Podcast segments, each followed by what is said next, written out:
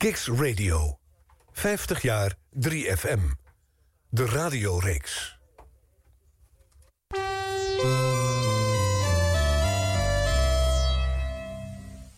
Kicks Radio. 50 jaar 3FM. De radioreeks. Hilversum 3. Woensdagavond, even na 7 uur. Tijd om radiogeschiedenis te schrijven. De Nationale Popzender is 50 jaar. En dat vieren we op Kicks. Elke week met hoofdrolspelers van Hilversum 3. Radio 3, 3FM. Elke week met een ander jaar uit de roemruchte radiogeschiedenis... van de meest besproken zender van Nederland. 1997. De radioreeks.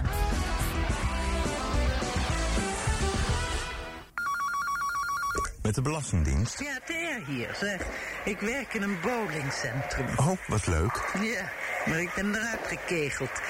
Kan ik nu weer belastinggeld terugvragen met zo'n T-disketten? Ja, als u tijdelijk hebt gewerkt, kunt u de disketten bestellen. Maar u kunt het theebiljet nu ook downloaden van internet. Internet?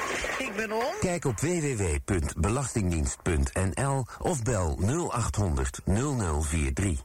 Belastingdienst. Leuker kunnen we het niet maken, wel makkelijker. Waar heb je trek in? Witbrood of bruinbrood? Melk of karnemelk? Mmm, lekker. En wat heb je voor een brood? Kip curry en eiersalade. Ah, en heb je ook die tonijn en zalmsalade? Eh, nee. Om het kiezen extra makkelijk te maken... heeft Joma nu twee sandwich salades in één verpakking. Kip curry en ei of tonijn en zalm. Precies genoeg voor twee broodjes. Sandwich salade van Joma. Als het om de smaak gaat.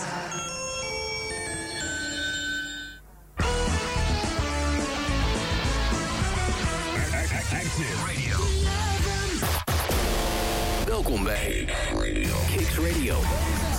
Radio zoals je het nergens anders hoort. Online, mobiel en via DAB+. Kicks Radio. Please welcome Arjan Snijders.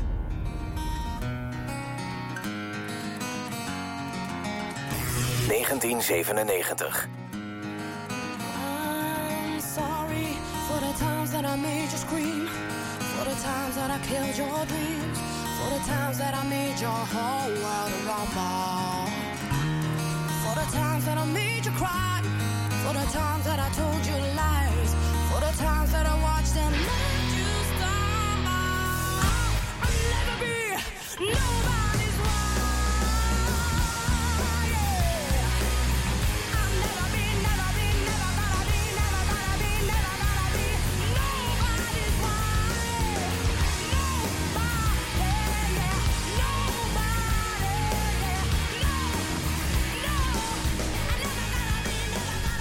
Ja hoor, de eerste keer in de hitparade. Dit was eh, Anouk in 1997 met Nobody's Wife.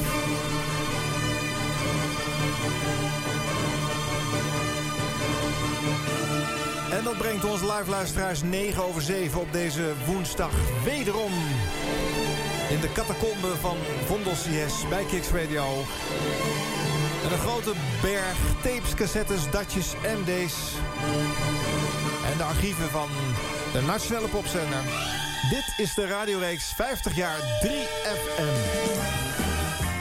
Editie nummer 32. We zitten vandaag in 1997. En onze gast vandaag is Jaap Boots. Hallo Arjan. Hi Jaap.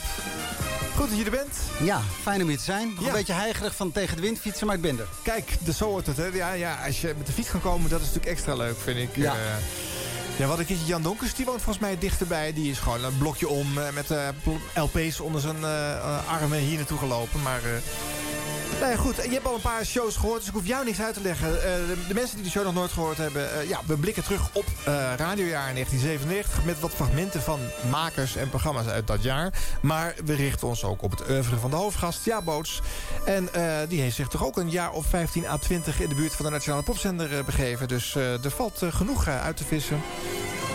Alles komt uit privéarchieven van Edwin Wendt en zijn radiovrienden. Het zijn dus geen in beeld en geluid of de VPRO opgeslagen zaken. Dus eh, hopelijk zit er nog een uh, verrassing hier en daar, uh, Jaap, voor jou ook Zou in. ik heel leuk vinden. Ja.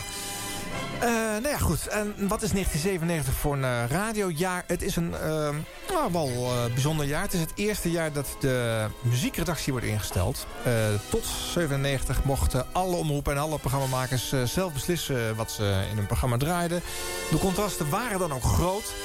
Overigens eh, de muziek eh, politie, zoals die eh, snerend door eh, Henk Westbroek eh, vervolgens eh, genoemd werd, alleen maar voor de overdagse programmering. Jij, Jaap, zal daar in 97 nog geen enkele last van gehad hebben, want de VPRO had toen nog vrijheid om, eh, om de uren zelf Wij eh, hadden een enorme vrijheid. Ja. En daar heb ik ook optimaal van geprofiteerd. I know!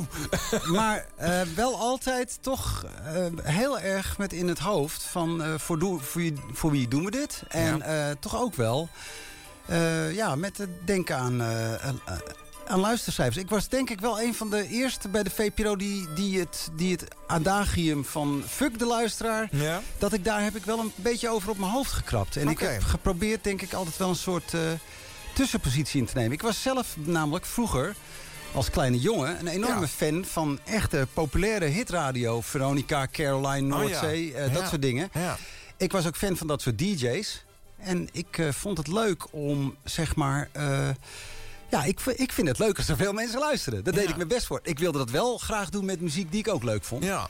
En eh, eh, ik heb in die zin zeg maar, een soort eh, tussenpositie bewandeld, hoop ik. En ik vond het ook altijd opvallend dat als je... Hè, er waren altijd, je schrijft er in jouw boek ook heel mooi over. Hè, er was altijd ruzie op 3FM. Ja. altijd oorlog. Ja, en er was altijd stammenstrijd op de radio zelf ook. Ja. Wat mij altijd opviel, en dat, heb ik, dat wil ik ook graag uitdragen... dus misschien is dat goed om daarmee te beginnen. Ja. Wat altijd zo opvallend was, was dat als je op de werkvloer was... dus als je de DJ's onder elkaar sprak... Ja. dan was er eigenlijk nooit zoveel aan de hand. Nee, nee.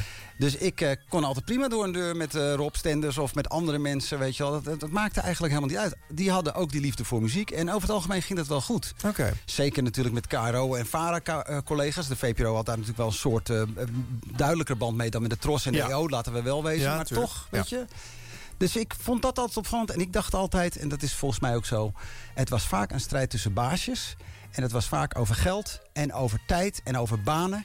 Maar daar had ik als eenvoudig voetvolk, als DJ op de radio... had ik daar eigenlijk nooit zoveel mee te maken. Nee, en gelukkig maar. misschien. Nee. Nee, gelukkig maar, want anders was je waarschijnlijk ja, veel, veel nukkiger daar in dat Ja. eh, heel veel dorp rond gaan lopen. Absoluut, dat ben ik nooit geworden. Ik was altijd blij. Tot op het laatste moment eigenlijk bij Radio 6. Toen ik daar wegging in 2014 ben ik eigenlijk altijd een blije eikel geweest op de radio. Ja, Ja. had ik wel eens mijn buien. En ik was niet zo'n petletter als eh, Ekdom of zo. Maar ik was wel altijd in goed humeur. Het was een mooi vak. Ja. Ik heb er enorm van genoten. Oké. Je hebt ook een eh, fantastisch boek over geschreven. vorig jaar uitgekomen. Eigenlijk alweer twee jaar Donderweg. geleden. Donderweg. Ja. Daar vertel je wat verhalen ook over de geschiedenis van Radio 3 en je avonturen daar hè, bij de Nationale Popzender. Nou, die gaan we vanavond aanvullen. En als je dat eh, zo, eh, zo rijk kan vertellen hier als in een boek, komt het eh, komt goed tot 9 uur. Don't you worry about a thing. En, nou ja, en af en toe dus wat fragmenten. Hè. Laat ik eens beginnen uit 1997 met een, een heel ander programma te memoreren. Het was het laatste jaar dat het werd uitgezonden. Vijf jaar lang was het de eerste dagelijkse ochtendshow die op Radio 3 te horen was. De Breakfast Club. Oh ja. Het zou aan het eind van het jaar te horen krijgen dat, dat ze moeten stoppen. Shanna Kooijmans en Peter van Brugge die daar heel boos over Nuk, nuk, waren. nuk. Ja, ja. Want ja, Edwin Evers was eh, ingehuurd en die zou eh, vanaf 98 dat plekje overnemen. Dit is uit dat laatste jaar de Breakfast Club. Wij hebben gelet om deze muziek te draaien. Van hoog naar laag. Pink as the thing on your cherry. Van links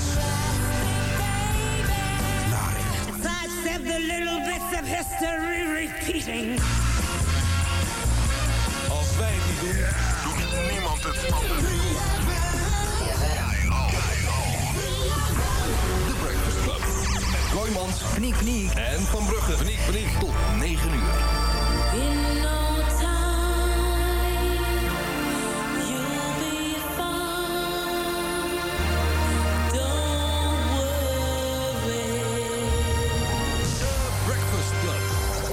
Eh, heb je dat gehoord, Jan? Een inwoonster van Emmen... die kreeg een bezoekje van inbrekers...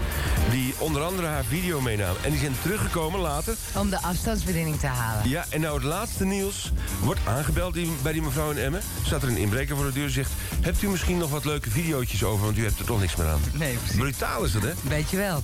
Een Franse actiegroep eh, die voor de legalisering van hash is... heeft alle Franse parlementsleden een jointje gestuurd. Daarmee willen ze protesteren tegen het strenge drugsbeleid daar.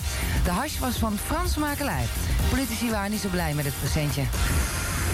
Laura, dat spul uit Nederland is een stuk beter. Wel een te gekke actie. Oh, wauw, weet je. Wat weet je wel, wat weet je niet. Nee, precies. Far out. Wat ben jij, far out? Far out. Het is Enigma. om eh 14 minuten voor half negen. Het lijkt alsof ze hier al weten dat het op gaat houden. Want ik hoor de motivatie niet heel erg eh, ervan afspatteren. Wellicht was dit eh, uit het begin. Hè? Dat kan natuurlijk ook, eh, dat het even na zessen was. De Breakfast Club in 1997, Shanna en Peter. Wij hopen ze nog een keertje in deze radioreeks ook als gasten te ontvangen. Want zowel Janne Kooijmans als Peter van Brugge hebben natuurlijk ook... los van dit vijf jaar durende avontuur, de Breakfast Club... een rijk oeuvre op eh, 3FM achtergelaten. 1997 was ook het jaar dat Rob Stenders terugkeerde. Ja, de man had al twee keer eerder de zender verlaten. Hij was eh, commercieel gegaan in 1991 naar eh, Power FM... en was toen een eh, klein jaartje weg geweest. Kwam toen weer terug bij eh, de omroep Veronica... die toen nog op Radio 3 uitzond. En die omroep, Veronica, ging in 1995 commercieel... en daarmee ging dus ook Rob Stenders vanzelf weer de zender af... en eh, het avontuur Kink FM zou gaan starten... Dat liep op een eh, deceptie uit, want binnen een half jaar kwamen daar eh, formatboeren uit Amerika vertellen hoe het moest. En toen eh, ging Stenders gedesillusioneerd daar weg. Zat een, eh, een eh, half jaar eh, te mokken thuis en mocht vanaf eh, 1997 weer terug bij Radio 3FM. Weer terug bij de VARA. En de zendercoördinator Paul van der Lucht die wist het programma op die plek wat daar voorheen zat. De Magic Friends met George Freulich en Peter Plezier van de zender af te krijgen om Rob Stenders terug te zetten. 3 februari 1997 keert Rob op deze wijze terug. Ik ben een beetje zenuwachtig. Het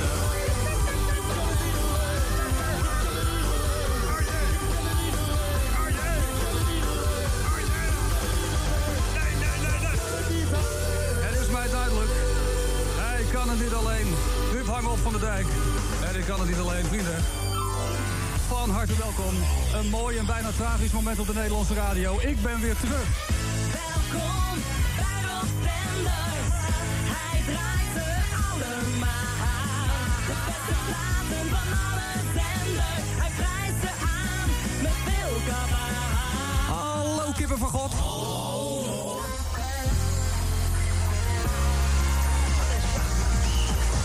Het was Double Trouble bij de VARA op Radio 3. Nog een keer bij de VARA op Radio 3. Het nummer heet eh, Just Keep Rockin'. Henk heeft zojuist tussen 12 en 2 een prachtige nieuwe opgave gedaan... van ehm, het VARA-oorspel. Moet ik ook even aanwenden, het VARA-oorspel. Gaan we verder nog iets aan spelleritis doen in dit programma? Nauwelijks. Misschien zou je het met een beetje fantasie een spel kunnen noemen. Ik vind, nee, ik vind het geen spel. Er is geen spel tussen, de, is geen spel tussen te krijgen. Ehm, dat is namelijk de ouderwetse dobbelsteen. Alleen de ouderwetse dobbelsteen wordt een beetje opnieuw ingekleed.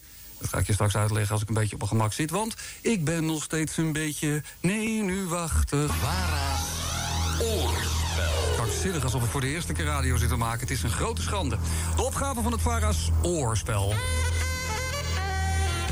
U kunt niet instappen. Heb je enig idee? 06 3 3 x 0 3 3. Dat is 06 3 3 x 3. Nee, wat even. 3 3 x 0 3 3. Ik ben nog steeds een beetje. Nee, nu wachten. Dat gaat wel over hoor. Dit zijn altijd van die plaatjes die vormen een goede therapie. Want het is wonderschoon en ik ben blij dat ik het nu een keer zelf aan mag kondigen. Case Choice en Dad. Volgens mij heb ik allerlei eh, mensen aan de telefoon... eh, die het voor mij totaal onbekende spelletje VARA-oorspel van wat oplossingen voorzien. En dat is natuurlijk altijd reuze handig. Dus even kijken wie ik hier heb hangen. Goedemorgen met de VARA. Hallo Rob, welkom terug. Met Dankjewel. Ik ben nog een beetje nenuwachtig. Ja, nou, dat gaat wel erover, joh. Zij, heb je het telefoonnummer van Emiel Ratelband voor me trouwens, of niet? Nee, gelukkig Heb niet. je niet. Dat is wel jammer misschien dat hij wonderen kan doen. Kunnen wij even Emiel Ratelband straks gaan bellen? Ja, toch? Ja, vinden wel iemand die het even kan doen. Kan hem even toespreken. Misschien dat het helpt. Waarschijnlijk niet, maar je weet het nooit.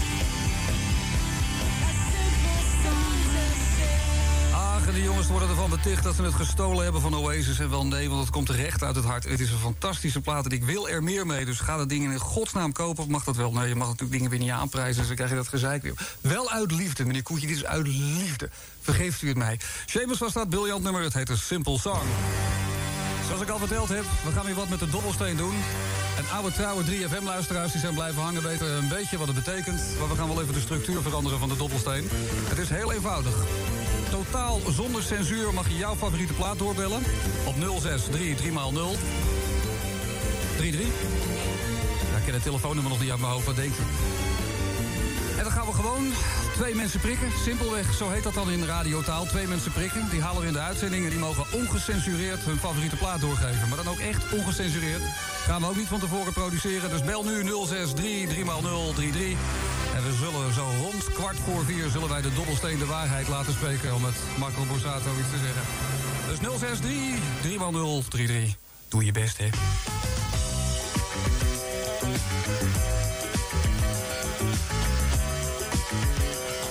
Gezegd dat het iets heel origineels mag zijn? Of het Wilhelmus in het Frans of zo? De raad Dingski Mars mag allemaal. Van vrolijke puinhoop tot serious radio. Dit is de geschiedenis van 3FM. De jongste van Nederland, Radio 3FM. 50 jaar 3FM op Kicks Radio. Reluctantly crouched at the starting line. Engines pumping and thumping in time. The green light flashes, the flags go up. Churning and burning, they yearn for the cup. They deftly maneuver and muscle for rank. Fuel burning fast on an empty tank.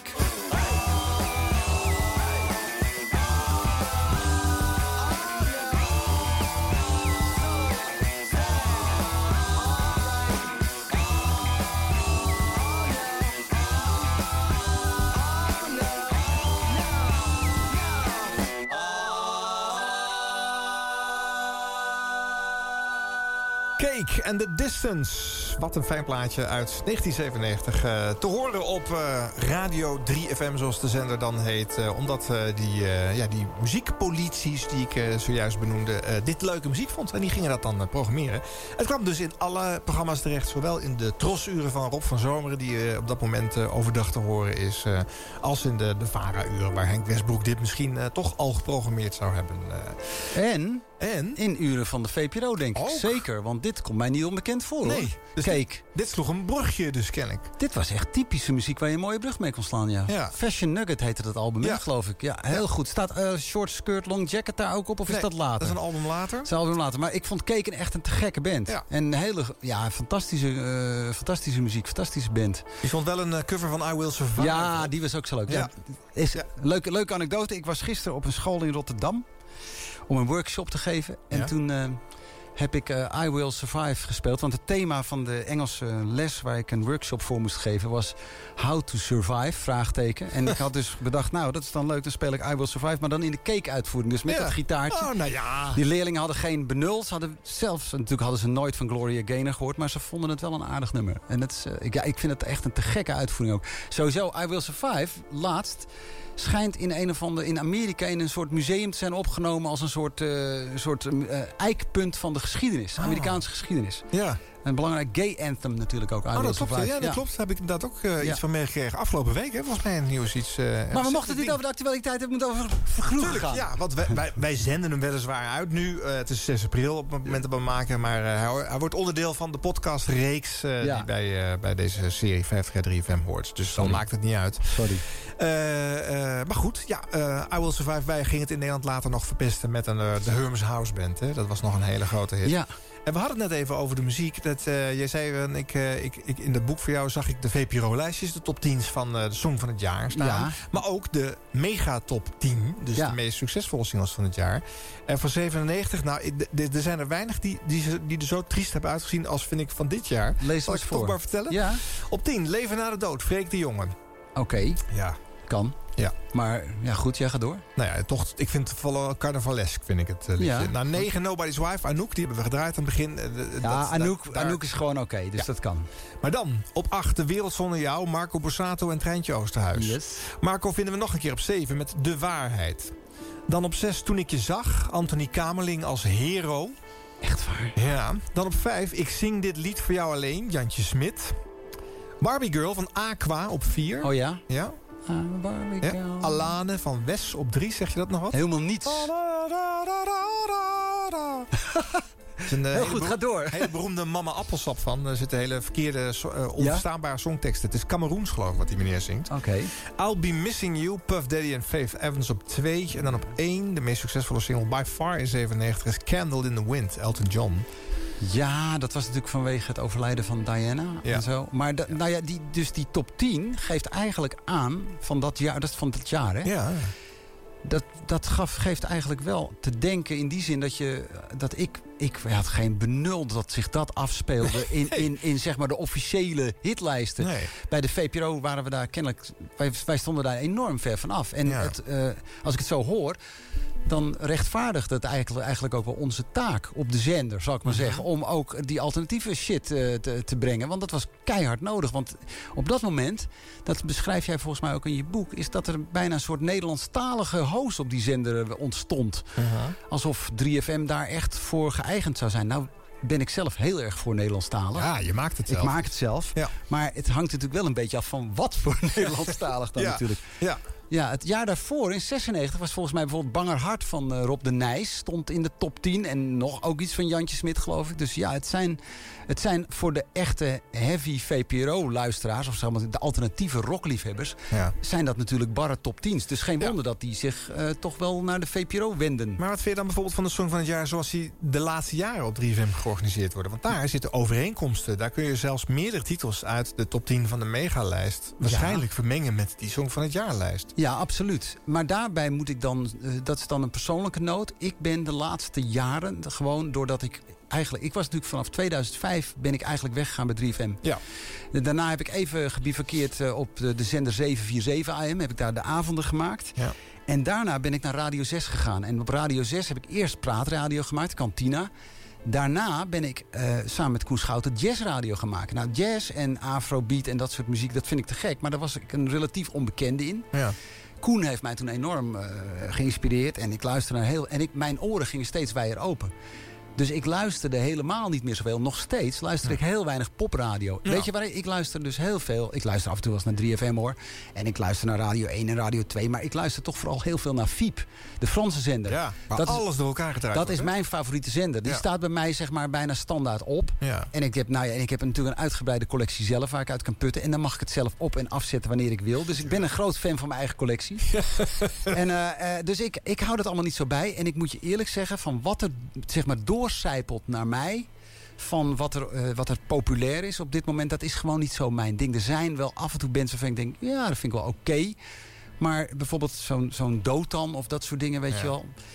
Eh Stromae vind ik sympathiek, maar dat is ook niet iets waarvoor ik naar de platenzaak hol, weet je wel. Of dat ik denk, dat moet ik echt luisteren. Dus ik hou dat niet zo goed bij. Dus ik kan eigenlijk je vraag niet eerlijk beantwoorden. Omdat ik te veel naar andere muziek luister. Ik ben 54 inmiddels en my- ik denk altijd, my time is limited. En ik ga dus luisteren naar muziek die ik leuk vind. Ik hoef het ook niet meer bij te houden, want ik werk niet meer voor de radio. Nee, nee. Dus ik mag lekker doen wat ik zelf wil. Ja. Dat doe ik ook. Ja, dat is ook leuk natuurlijk, want je, je, je, je vertelt het ook in je boek. Je hebt gewoon iets nieuws weer geleerd. En eigenlijk stiekem gemerkt dat je jouw, jouw eerste muzikale idioom eh, wat beperkt was. Hè, met die pop en die Ja. rol. eh. Nou ja, dat, dat, er valt dat- meer te halen. En misschien wel beter zelfs. Nou ja, wat ik, wat ik interessant vind is... eh, dat, dat, dat hoef je natuurlijk niet eh, te ad- adopteren als visie of als levenshouding. Maar ik vind het wel interessant om te kijken van wat er nog meer is. Ik, heb- je hebt bijvoorbeeld mensen die, die elk jaar heel verrukt worden... als er bijvoorbeeld een Blondie-reunie komt of zelfs een Pixies-reunie. Vind ik ook een gekke band hoor. Ja. Maar ik denk, ja, de Pixies die heb ik gezien toen. Ik heb die platen toen geluisterd. Heb ze grijs gedraaid, ook op de radio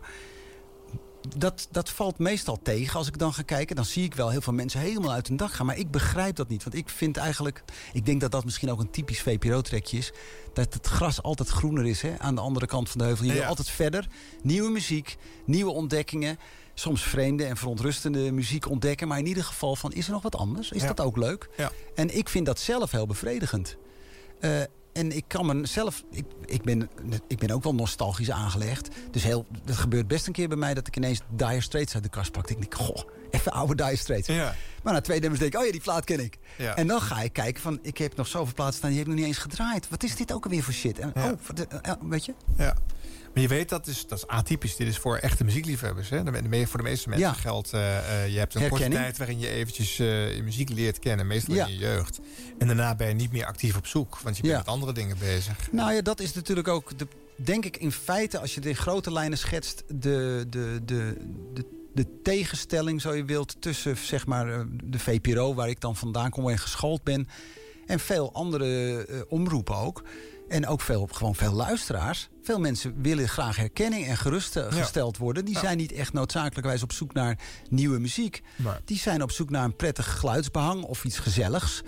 Die zitten niet te wachten op een moeilijk nummer van Nick Cave... met een stofzuigergeluid er doorheen. Die denken van, wat is dat voor herrie? Geef mij even die Hermes House Band, man. Ja. Weet je? En ik Ja. snap dat wel. En ik respecteer dat ook.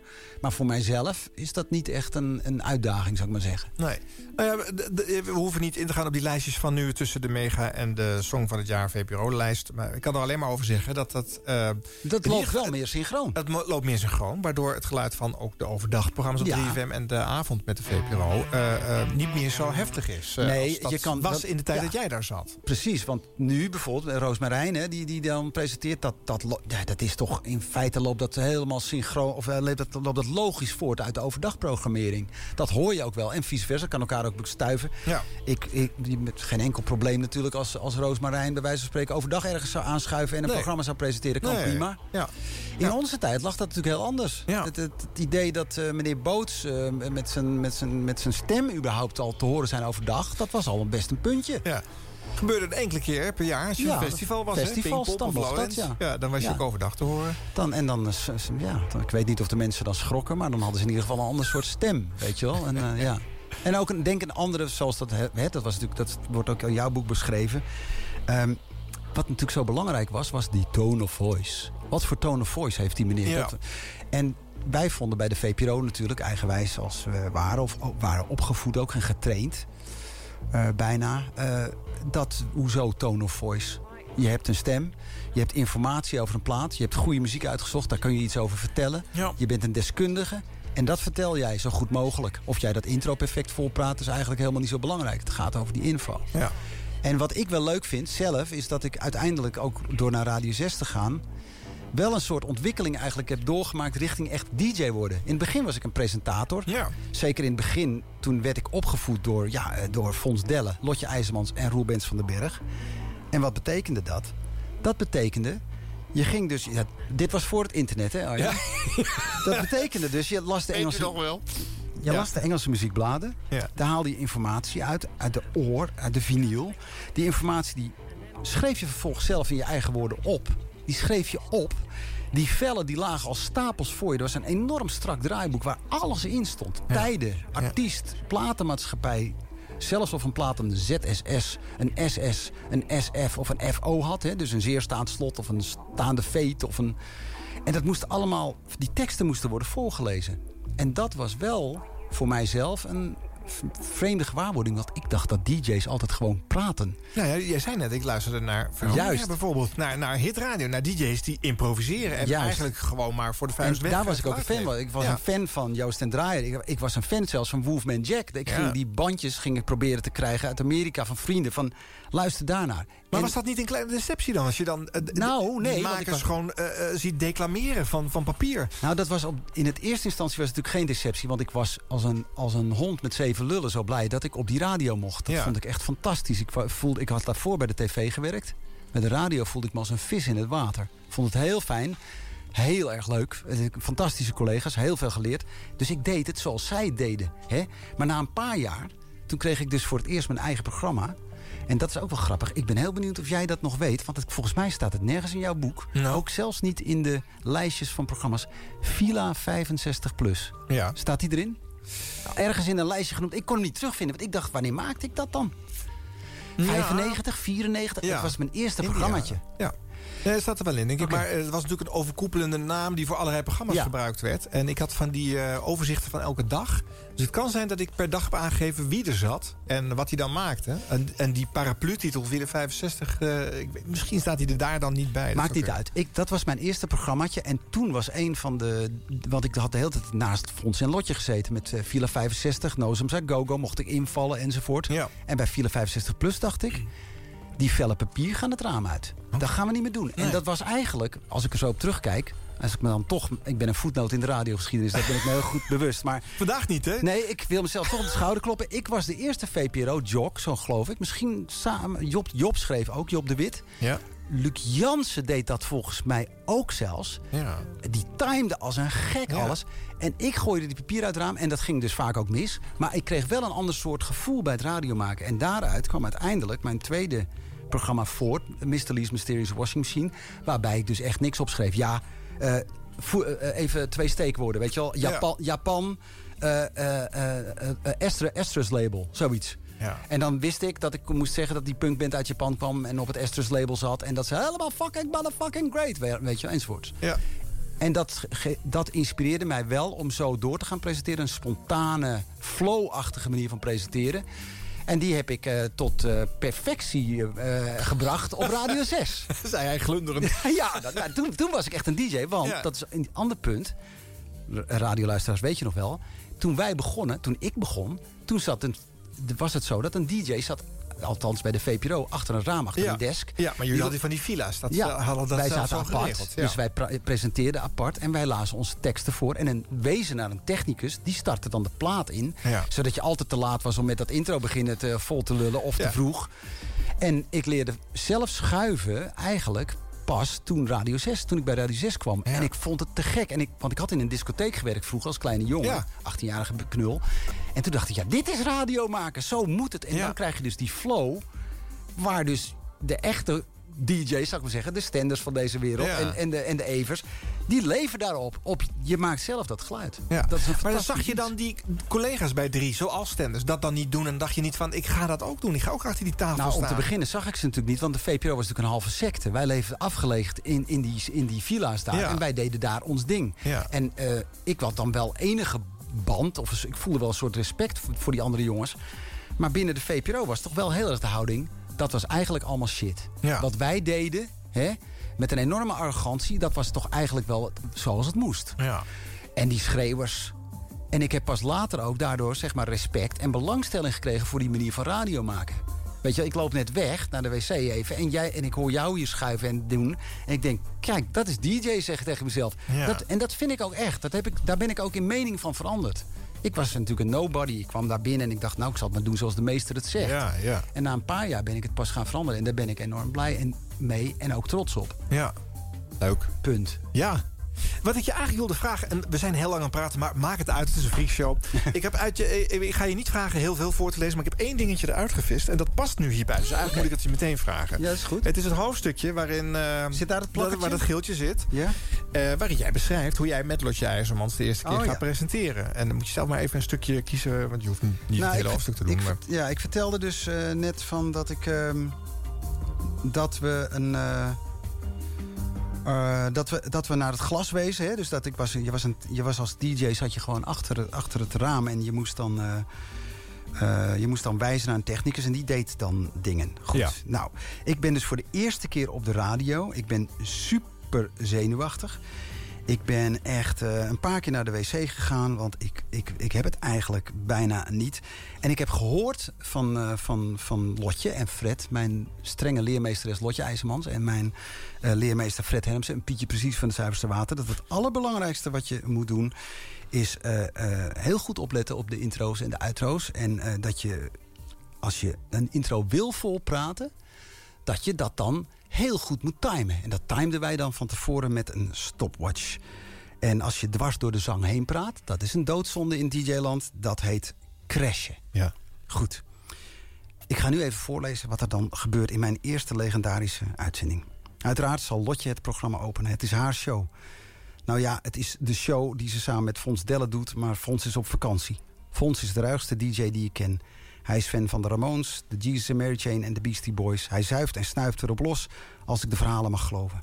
In zijn vrije tijd rijdt hij naar het schijnt autostoten los... en samen met Lotje maakt hij door tienduizenden alternatieve popliefhebbers aanbeden... programma Nozums A Go Go. Goed, en daar zit ik dus dan te presenteren voor de eerste keer. Daar klinken de pips. De pieptonen die het hele uur aangeven.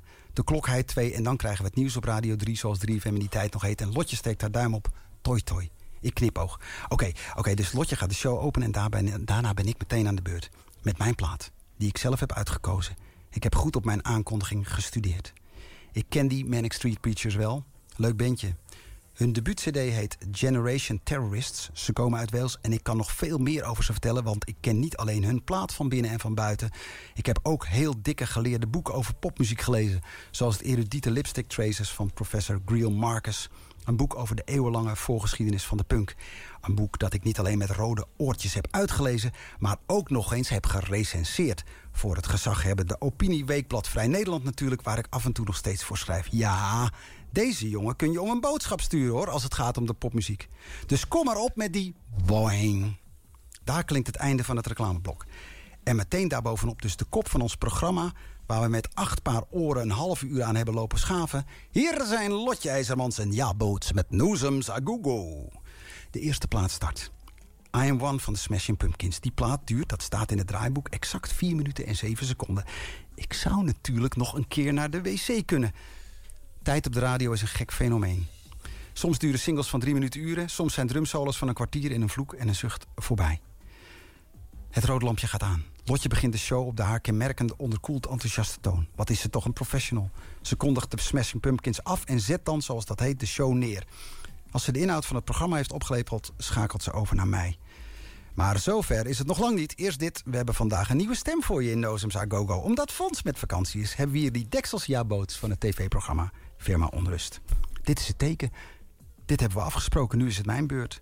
Ik kijk naar mijn papier met daarop introtekst in zenuwachtige hadenpoten. Mijn introtekst. En dan kijken we weer naar Lotje. Het roodlampje op mijn microfoon wacht. Alles gaat te snel. Of te langzaam. Ik, ik weet het niet. Eh, ja, ja, Lotje, ik heb hier... Shit, ik vergeet het teken. Ik zwaai snel naar de technicus achter het raam. Dit is het teken om de tweede plaat, mijn plaat, te starten. In mijn koptelefoon klinkt het gitaarintro van Motorcycle Emptiness. Ha, daar is hij. Regisseur Fred Hermsen maakt achter het glas zo rustig mogelijk het gebaar praten naar mij. De, de, de nieuwe single van eh, de Manic Street Preachers... afkomstig van hun nieuwe album eh, Generation, Generation Terror... Generation Terrorist, Terrorist, Rists. Ik bedoel, ik kijk niet meer naar mijn papier. Want daar dansen de letters voor mijn ogen. Ik doe het zo wel. On the fly. Wat klinkt mijn, mijn stem gek door de koptelefoon. Hoe lang duurde dat intro ook alweer? Oh ja, 17 seconden staat in het draaiboek. Nou, die jongens kennen hun klassiekers hoor. Ze zijn opgegroeid in Wales, maar luisterden al vroeg naar de Sex Pistols en de Clash. Praat ik te snel? Te langzaam? Wat zit ik nou eigenlijk te ratelen? Ik lijk zelf wel een Manic Street Preacher. Maar eigenlijk kun je het geen punkrock noemen. De Manic Street Preachers maken een postmoderne vorm van... Ik word vrij onhinderlijk onderbroken in mijn interessante verhaal... door iemand die er doorheen begint te zingen. Culture sucks downwards. Shit. Ik crash. In toepasselijke woorden dat wel. Maar toch, ik crash. Snel hou ik mijn mond. Het rode lampje gaat uit. Achter het glas zie ik de producer achter het mengpaneel wegduiken van plaatsvervangende schaamte. De technicus kijkt naar een punt in de verte, achter mij. En grijnst raar alsof er zojuist een beer de studio is binnenkomen lopen. Ik kijk opzij. Daar zit Lotje. Ze kijkt me lief glimlachend, maar tevens met gefronste wenkbrauw aan. Wat doe jij nou, jochie? vraagt ze. Voor ik kan antwoorden komt Fred weer boven het mengpaneel uit. Lijkbleek. Hij drukt op de intercom. In mijn koptelefoon hoor ik hem iets wegslikken en dan krakend zeggen... Geeft niks. Volgende plaat, Peter. Show must go on. Kan gebeuren. En ja, ik ben in al die duizenden uren radio sindsdien nog wel eens vaker gecrashed. Maar zo erg als toen in die zomer van 1992... met Motorcycle Emptiness van de Manic Street Preachers. Nee, zo erg nooit meer.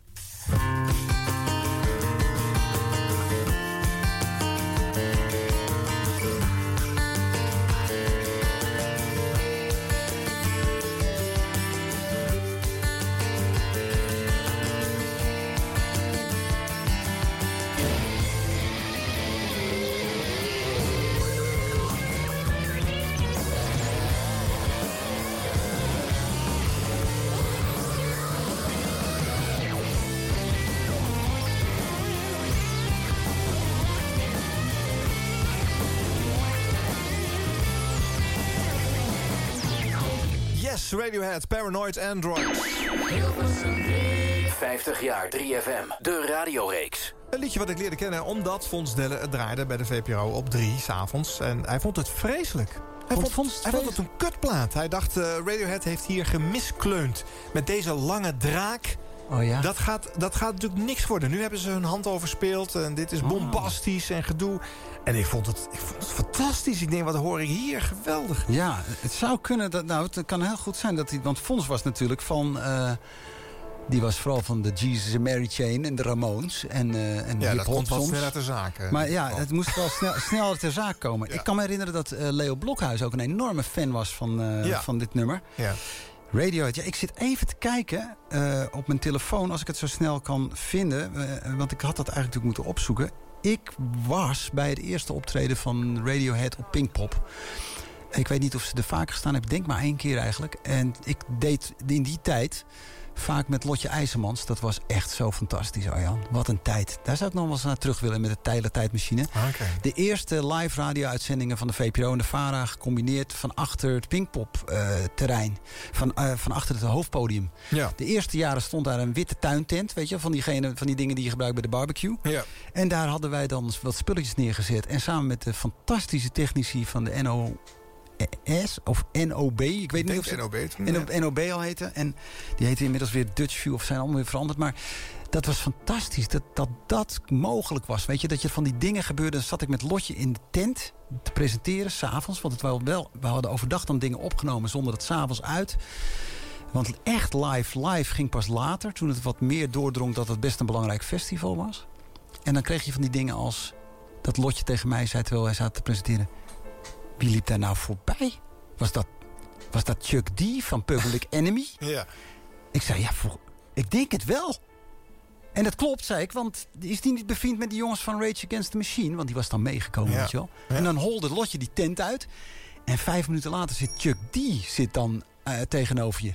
Ja, dat was fantastisch. En in die tijd, of iets daarvoor, zag ik een jaar daarvoor, denk ik, misschien wel 97, Radiohead live. En eh, die waren hoofdact. En die hadden een geweldige lichtshow. En die speelden toen onder andere dit. En ja. dat was, Oké, computer was vanuit. Dus, ja, een geniaal eh, optreden. Echt eh, verbluffend. Heel- En dat was heel mooi. Ik vond dat ook altijd fantastische radio. Later, dat is ook interessant misschien om te vertellen... was dat, dat was een vorm van live radio maken. Wij waren nog heel erg van... we zijn hier live. Dus wij gaan het gewoon aan de luisteraars brengen... zoals het, eh, eh, zoals het hier klinkt. Ja. Dus eh, radio het begint en dan gaan we over naar Radiohead. Ja. Als we toestemming hadden om het uit te zonden. En dan zonden we gewoon drie kwartier uit of Ja. een uur. Ja.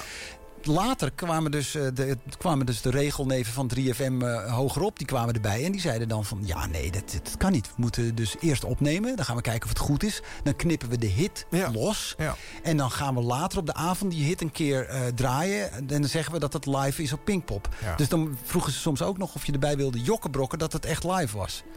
Nou, dat weigerde ik. Ja. Maar dat was ook een hele andere manier van radio maken. Ik snap die radio, die andere vorm ook wel hoor. En ik begrijp dat je de luisteraars soms tegemoet moet komen. Maar ik vond dat als jonge kuifje in, in popland... vond ik dat echt wel te gek. Dat je gewoon op dat moment zelf, bijvoorbeeld ook op Lowlands...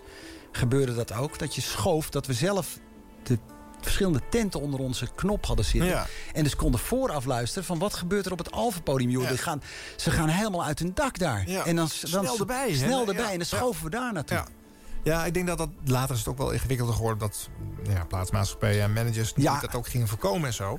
Maar ehm, wat nog wel leuk om eh, op te merken is even hierover. Eh, die studio ehm, was toen inderdaad een VARA-VPRO-ding. Vooral de VPRO deed de festivals. Dat was nog helemaal geen 3FM-ding. Nee. En eh, hij stond ook verstopt ergens achter het backstage terrein. Ja. Niemand bij de bezoekers van Pinkpop of Lowlands had door dat er überhaupt een Nee. coverage op Radio 3 eh, zou zijn. Ja. Dat was verstopt geheel.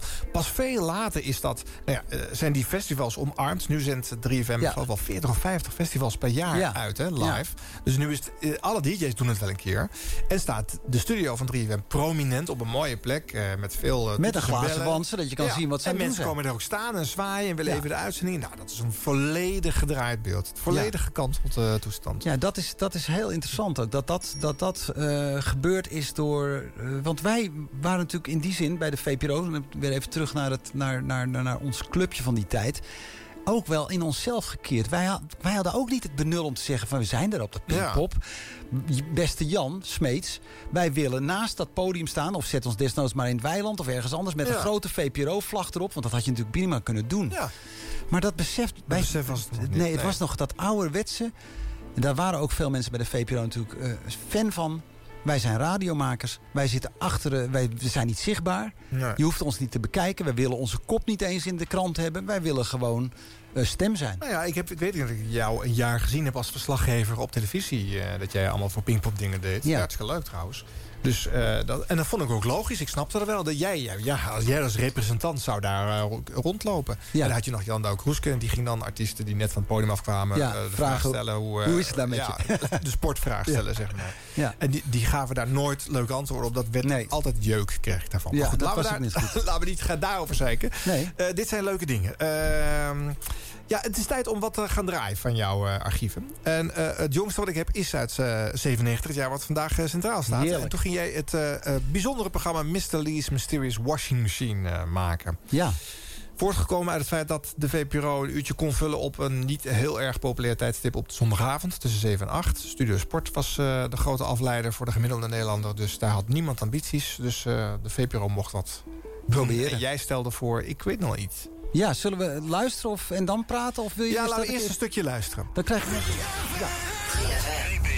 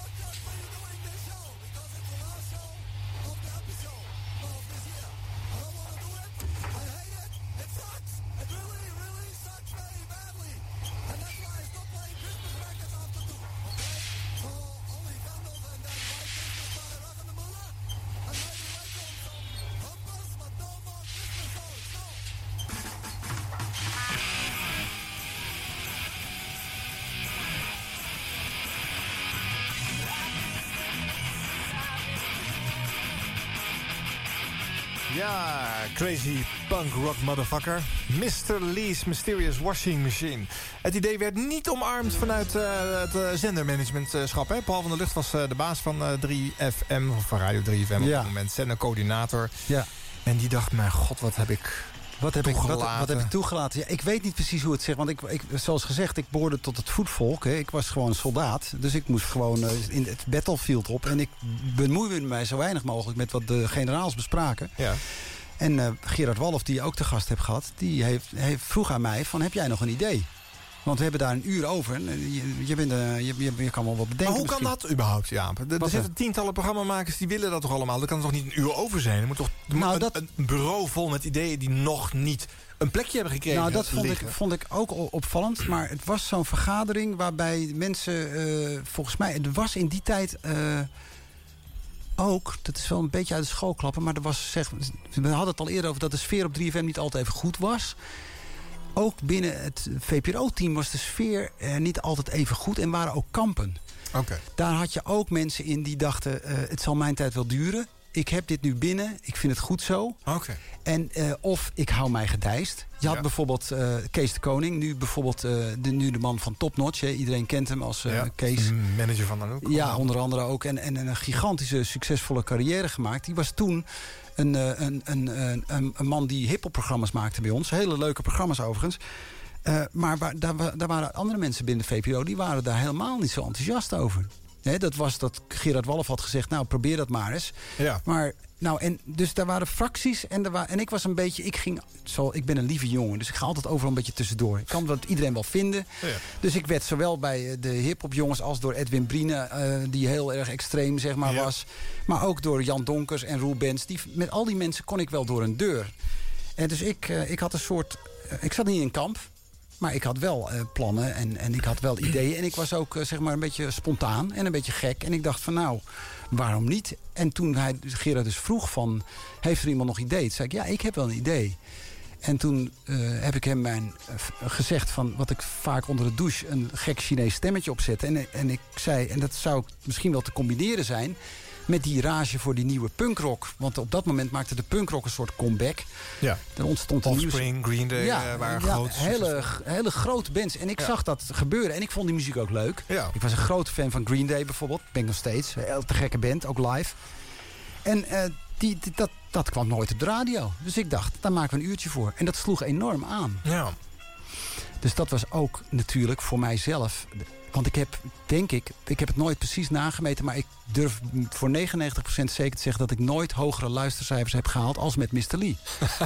Mr. Lee was een, werd een uit- enorm populair programma. Ja. Voor mijn doen en voor VPRO-tijd en voor dat tijdstip. Tegen de klippen op eigenlijk. Ja. eh, geheel En- eh, onverwachts. Want ik kreeg ook, en dat was ook heel... Kijk, bij de VPRO kreeg je wel eens een kaartje. En van, dat was dan meestal een briefkaartje waarop stond... ja, Boots denkt dat eh, Bleach het eerste album van Nirvana is... maar dat klopt niet, want het is dit of dat. Ja. En, en bij Mr. Lee kreeg ik, eh, kreeg ik stapels kaarten en brieven. Maar uit alle lagen van de bevolking. Van kinderen, van punkliefhebbers, van eh ska-liefhebbers...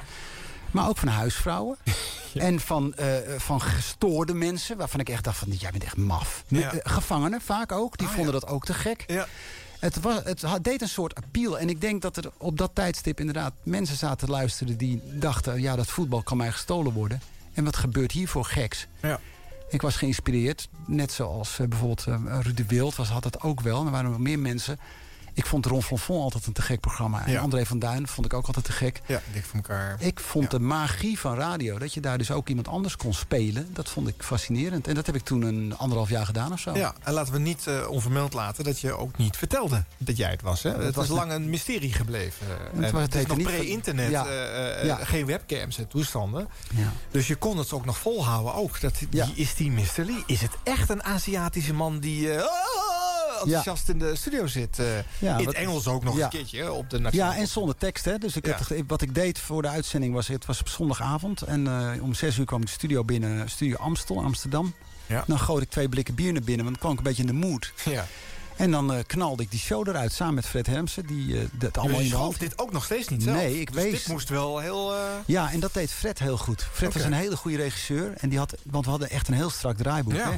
Want chaos kan alleen maar gedijen als het ook goed in de gestructureerde Ja. chaos. Hè? Ron van Vlon was ook heel wel ja, bedacht. Ja, heel doordacht precies. Dat Ja. hadden wij ook bedacht dat dat zo moest. En we hadden dus een mooi bedje gemaakt. Een bedje voor luisteraars die nu luisteren. Dat is ook iets wat je nu onder mij hoort. Ja, dat is dit, hè? Ja.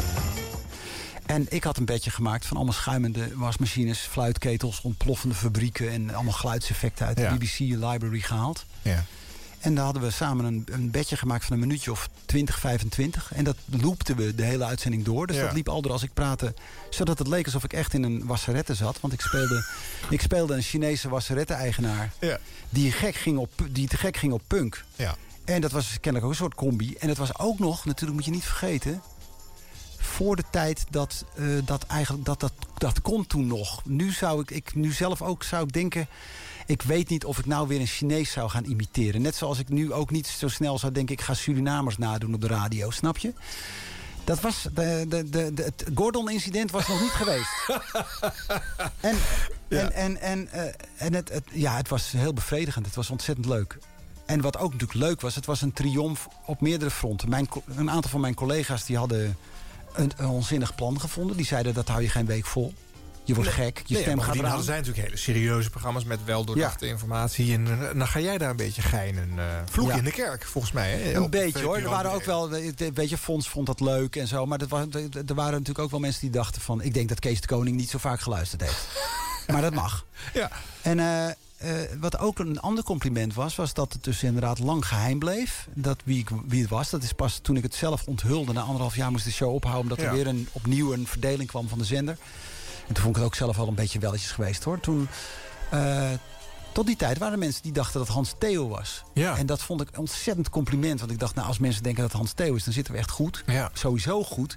Want dat houdt de aandacht bij mij weg. Ook. ja. En het is een groot compliment, want eh, dat is toch niet, niet zomaar iemand. En het tweede compliment wat ik kreeg, dat heb ik ook in mijn boek beschreven... is dat eh, de laatste uitzending, toen ik mijn identiteit bekend maakte... eh, uiteindelijk een heel erg triest Chinees punkrockmeisje... die was in de studio, want we hadden het publiek uitgenodigd voor het eerst. Ja. En die was enorm teleurgesteld en die, die hing aan de bar met betraande ogen. En eh, ik dacht op een gegeven moment van, wat is er met dat meisje aan de hand? Ze is zo verdrietig dat het de laatste uitzending is. Dus ik ben toen naar haar toegelopen en toen zei ik van, wat is er aan de hand? En toen keek ze me aan en zei ze, jij, jij, ik dacht dat jij een hele leuke Chinese punkrockjongen was, maar je bent gewoon een oude man. En dat, toen dacht ik, dat is heel verdrietig voor haar, maar voor mij een enorm compliment. Ja. Dat zij dus in die mythe had geloofd, in dat, die radiolegende. Dat is het, ja. En eh, ik, ja, ik ben daar zelf, eh, dat is wel een van, er zijn meerdere dingen waar ik trots op ben. Maar dat is ook wel echt een wapenfeit. Nou, laten we nog een stukje luisteren, Jaap. Ja. Want we worden alleen maar enthousiast van. Ik heb er één eh, kort punkliedje gewoon in laten staan. Want het ding duurt geloof ik nog geen 40 of 50 seconden. Ja. Dus eh, dat houdt Hoe helemaal korter, niet hoe, op. hoe korter, hoe beter.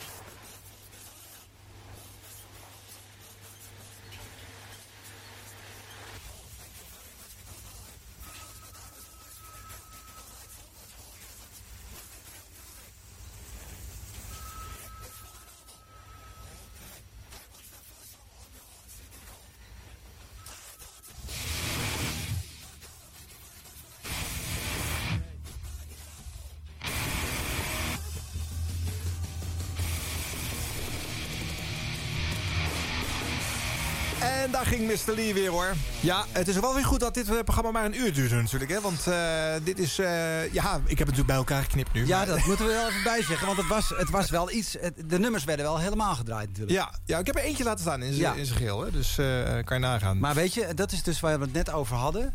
Toen aan het begin van de uitzending dat we hadden over ontwikkelende muzieksmaak. Ik zou dit nu niet meer kunnen maken. Maar ik zou het ook niet... Nou, misschien zou ik nog wel kunnen. Maar ik zou het niet meer willen. Er zijn mensen die mij hebben gevraagd van... wil je dat Mr. Lee-programma voor Ja. ons op de lokale radio nog een keer maken of zo? Nou, ik, ik moet er zeg maar qua oren en qua, qua muziekgevoel echt niet meer aan denken. Wat een takkenherrie. Verschrikkelijk. Echt, daar ben ik echt zo klaar mee. Ik denk ook dat het misschien wel... Ik draai nog wel eens voor de lol... eh, komt er wel eens een pla punkplaatje voorbij van Rancid of Green Day bij mij thuis. Als ik eh, aan het boren ben of zo. maar, Ja. maar, maar zeg maar, dat is niet meer helemaal mijn, mijn, mijn omgeving. En ik denk dat ik, weet je, ze, net zoals met Obelix, die in de toverdrank is gevallen. Ik ben toen in de ketel met punkmuziek gevallen. Ja. En ik ben daar zo dik van geworden dat ik nooit meer... Ik mag nooit meer die punkdrank... Ik heb ze laatst ook allemaal weggedaan. Ik had, Oké. ik had echt dozen vol met punk. Ja. En die stonden daar te verstoffen boven in die cd-kast. En ik dacht, ga ik dat ooit nog draaien? Nee. Dus daar Nee. heb ik eh, naar een goed doel gebracht. Ja. Oké, nee, goed, weet je, eh, eh, op zich is dat heel Kan je dat voorstellen? ja, ik, ik zie het leven als allerlei fases. En, en el- elke keer weer iets nieuws. En dan, ga, dan ga ik Ja. op in die fase. En wat, wat daarbij hoort, of Ja. wat mij dan past. Dus eh, er zijn wel dingen die ik al mijn hele leven lang leuk vind, hoor. Dus het Ja. is niet zo dat ik alles rugziegeloos zou moeten willen weggooien. Maar eh, ja, we hadden Jan van Veen hier bijvoorbeeld een keer. Ja. Die is al bijna 50 jaar gedicht aan het voorlezen. Ja. dan vind ik het toch wel logischer dat je af en toe even een andere stap zet. eh. Ja. Nou, weet je, ik denk ieder zijn meug. Sommige mensen worden daar heel blij van. Weet je, bijvoorbeeld Jan Donkers is ook zo iemand. Een onverbeterlijke DJ. Wil altijd blijven DJ'en. Ja. Ik weet niet of dat voor mij bijvoorbeeld geldt. Ik, ik, ik maak momenteel geen radio. Nee. Ik zou zeggen, als iemand een aantrekkelijk aanbod heeft... wil ik het zeker overwegen. Maar, En wat is een aantrekkelijk aanbod dan? nou, dat zou, dus een aantrekkelijk aanbod zou bijvoorbeeld zijn... Een, een, een, een programma wat ik zelf nog A, nog niet gemaakt heb.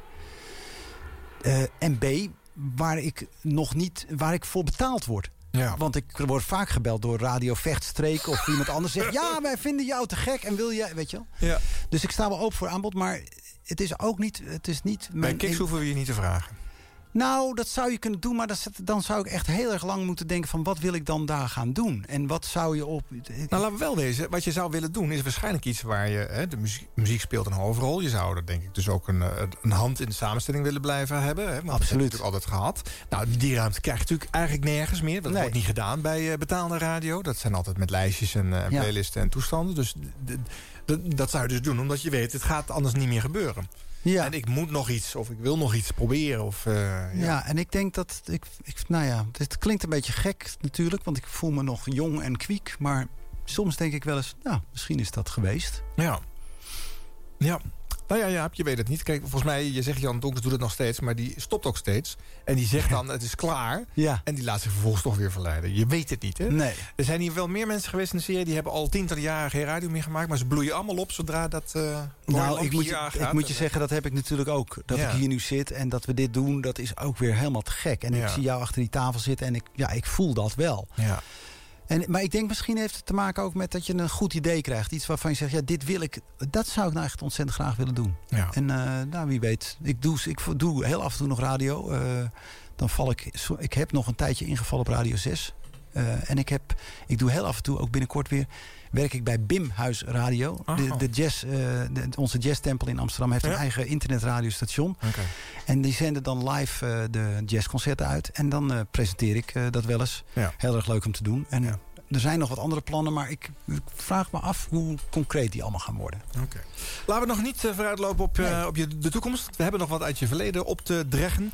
Eh, ik ging ook nog één plaatje draaien die bij de Mr. Lee tijdperk hoorde. Want je hebt een paar dingetjes meegenomen. Me First en de Gimme Gimmies. En eh, Living on a Jet Plane. Dat is waarschijnlijk ook dus de klassieker, maar dan in de punkversie. en ja, dan in, ja, moet ik maar even van, tevoren, ja, even van tevoren zeggen. Me First en de Gimme Gimmes was een punkband die de, hun, dat was het enige wat ze deden, specialiteit. Grote mainstream hits verpunken.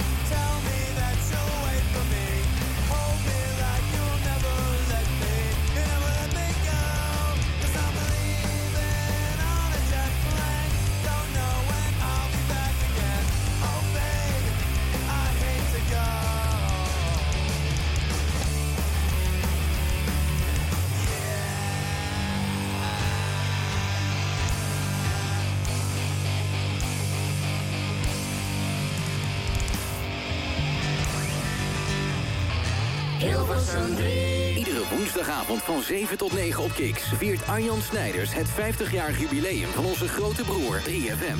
Met elke week een ander jaar dat centraal staat, unieke fragmenten en een radioheld van toen in de studio. De hoogste nieuwe. Alle shows zijn te checken als podcast op kiksradio.nl. En er is ook het boek van Arjan Snijders, 50 jaar 3FM. Van vrolijke puinhoop naar Serious Radio. De radiobijbel en must-have voor elke muziekliefhebber. Vol met radiogidsen uit alle jaren, top 10 lijstjes en unieke anekdotes. Het boek met meer dan anderhalve kilo radiogeschiedenis is nu te koop op 50jaar3fm.nl.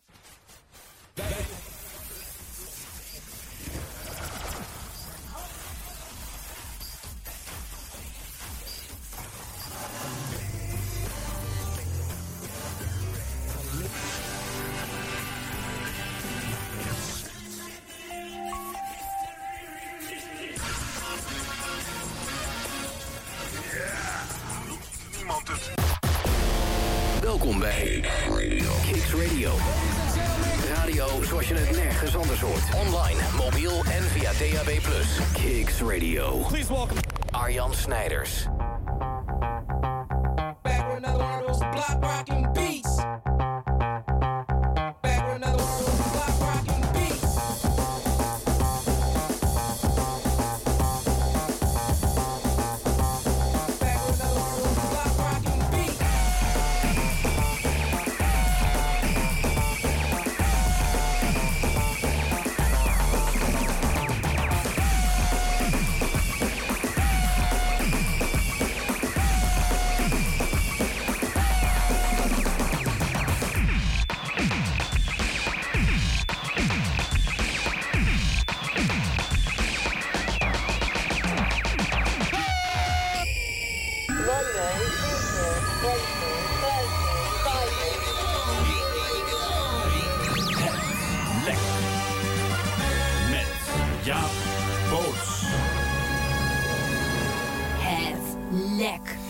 Herman Brood, When I Get Home. Goedenavond allemaal, hartelijk welkom bij het lek van de VPRO. Nou, eh, als je het nu niet eh, hebt begrepen, dan eh, is het wel erg laat. Herman Brood is vandaag overleden op eh, 11 juli van het jaar 2001... nadat hij geboren was op 5 november 1946. 54 jaar is hij geworden.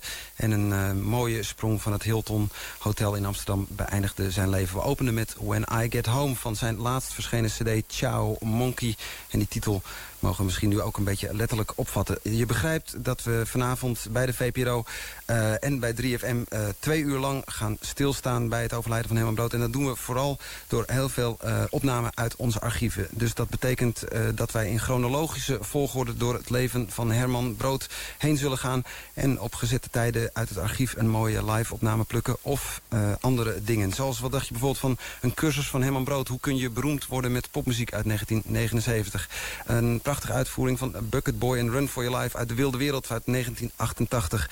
In 1995 stond Herman Brood samen met de ex in de eregalerij van de Nederlandse popmuziek bij de VPRO.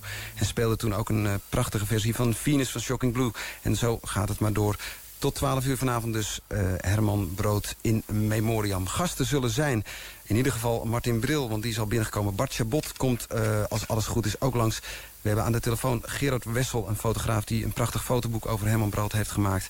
En ook aan de telefoon is eh, Harry Musquet... die van QB en de Blizzards... waar Herman Brood eigenlijk als eerste, eh, in, eh, in de eerste band bij speelde.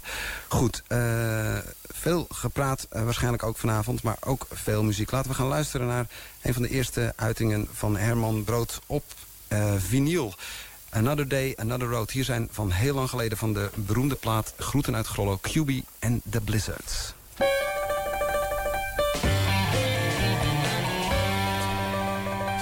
Het, eh, het lek van eh, de VPRO in eh, 2001 uiteraard. Want eh, ja, Het was al een hele bijzondere uitzending. Hè? Dat waren ook wat, wat gewoner hoor. Dit was echt eh, invliegwerk. Ja.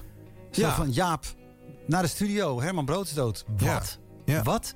Ja, hij is van het Hilton gesprongen. Je moet nu naar de studio. We gaan een in memoriam uitzending maken.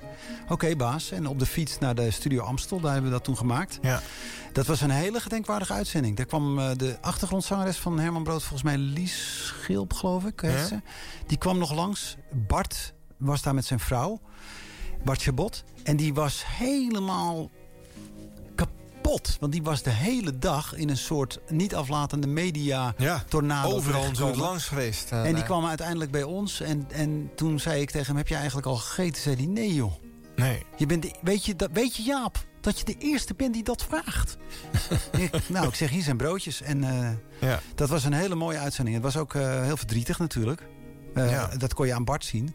Maar we vonden het zelf... Herman kwam best vaak langs bij de VPRO. Ja. Was ook vaak langs geweest. En, Ja. Ik heb hem ook wel eens live zien spelen met de Wild Romance. In zo'n uitzending van Wielen 65 Ja. op locatie met eh, live bandjes. Ja, eh. precies. En ja, daar had ik ook mooi, mooie herinneringen aan. In mijn boek heb ik een paar keer mijn ontmoetingen met. Herman Brood beschreven. Een paar ontmoetingen die ik met hem heb gehad. Maar dat was toch wel een... eh, ja, dat was heel gedenk. Er waren ook normalere uitzendingen. Tuurlijk, ja. Bijvoorbeeld eh, deze uit 2002. Attentie, attentie. De hoofdfilm begint nu. Horen. Voelen. 3FM. 3FM. At the movies. Are you kidding, baby?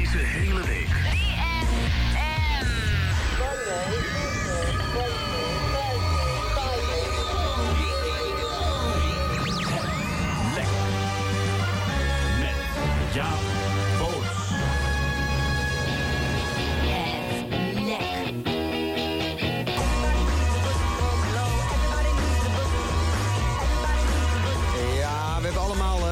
borst nodig om op te hangen. Dat was Corner Shop met eh, Brim Full of Asha. Aan het begin van deze aflevering van Het Lek van dinsdag 22 januari van het jaar 2002. En over Brim Full gesproken, hij zit boorden en boorden vol deze aflevering van Het Lek. Zo direct hebben we een interview van eh, Solex. Die interviewt haar grootheld Cornelius. En verder hebben we natuurlijk de single van de week. En eh, de disc pop de la semaine. Ik heb nog een Psycho special voor je en veel ander fraais. En heel veel goede muziek. Zacht en hard. Hier is wat hard. Peter Pan's Speedrock Resurrection. Ja, maar Ja, Boos kan punkmuziek ook wel aankondigen zonder een eh, Aziatisch stemmetje op te, eh, te Ja, zetten. ik wou net zeggen, goed volgepraat dat intro. Ja, hier ben je gewoon aan het DJ'en. Dus eh, je deed het toch al voordat je eh, bij Radio 6 eh, terecht kwam. eh. Ja, en, en wat ook wel leuk is, die Peter Pan Speedrock was, was oh, dat is ook wel, weet je, zijn, ik heb niet heel veel, ik ben nooit zo'n echte ontdekker geweest. Hè. Ik, veel, je hebt van die DJ's die zeggen, ja, dankzij mij, Ja. eh, dit en dat. Ik kan maar een paar bands op mijn refer spelden. Peter Pan Speedrock, denk ik. Ja. Als, eh, nee, dan niet ontdekker, maar toch wel eerst op de radio gedraaid. Oasis, samen met Fons Delle. En eh Caesar, Caesar, de Nederlandse band, was ik er een fan van. En die zijn bij mij begonnen, zou ik maar zeggen. Leuk om dat dan weer terug te horen. Ja. En ook leuk dat dat met die Nederlandse muzikanten... dat je daar ook eh, soms een vriendschapsband mee ja? kan hebben. Jij spreekt eh, Roald, geloof ik, heet hij. de Roald heb ik laatst toevallig nog eh, gesproken. Want toen was David Bowie overleden. En toen heb ik hem meteen gebeld. Zei ik, Oh. wil jij komen op mijn spontane David Bowie tribute... hier in de Q Oh. Factory in Amsterdam? En toen Ja. heeft hij twee nummers gespeeld van David Oké. Bowie. En die jongens van Peter Pan Speedrock, die zie ik niet meer zo vaak. Maar daar heb ik wel een soort, eh, daar hebben we wel warme banden mee. Ik heb eh, urenlang met whisky zitten drinken in het vlieg- vliegtuig... samen met Peter van Peter Pan Speedrock terug uit South by Southwest. Waar wij Oké, bij ja. VPRO ook verslag van deden. Dat Ja. soort festivals deden we dan ook. Ja, wordt nu eh, inderdaad ook nog steeds Hmm. eh, door VPRO gecoverd. Mhm. en, maar dat is dan nog een van de weinige festivals die de VPRO vooral en exclusief doet. Ja. niet, niet voor heel 3FM. Maar dat is ook een beetje een voorlopersfestival. En dat is eigenlijk de rol van de VPRO Ja. daarin ook. Hè? Ja. En eh Caesar, die, die Roald heeft net een nieuw album uit, hè? Soloplaat. Eh, maar dat was ook typisch zo'n bandje die alleen maar bij de VPRO gedraaid werd. En ik weet nog wel dat die jongens van de muziek eh, samenstellers daar niets van moesten hebben. Ja. Situations Complications werd morrend op de playlist toegevoegd. Ja. een paar weken en snel weer afgevoerd toen dat niet meteen losbarst in de hitparade. Dat Ja. heette toch alleen maar bij het VPRO eh eh oeuvre te horen. En weet je wat nou interessant zou zijn? En dat is, want daarin heeft 3FM ook een omslag gemaakt. Hè? Dat omarmen van Nederlands talent. Dat Ja. is, dat, dat is, t- toen was het toch een beetje van wat de grote platenmaatschappijen aandroegen. En wat uit het buitenland kwam, dat was toch eigenlijk heilig. Eh, of de, het moesten gevestigde Nederlandse namen zijn. Of uitzonderlijke talenten zoals Anouk.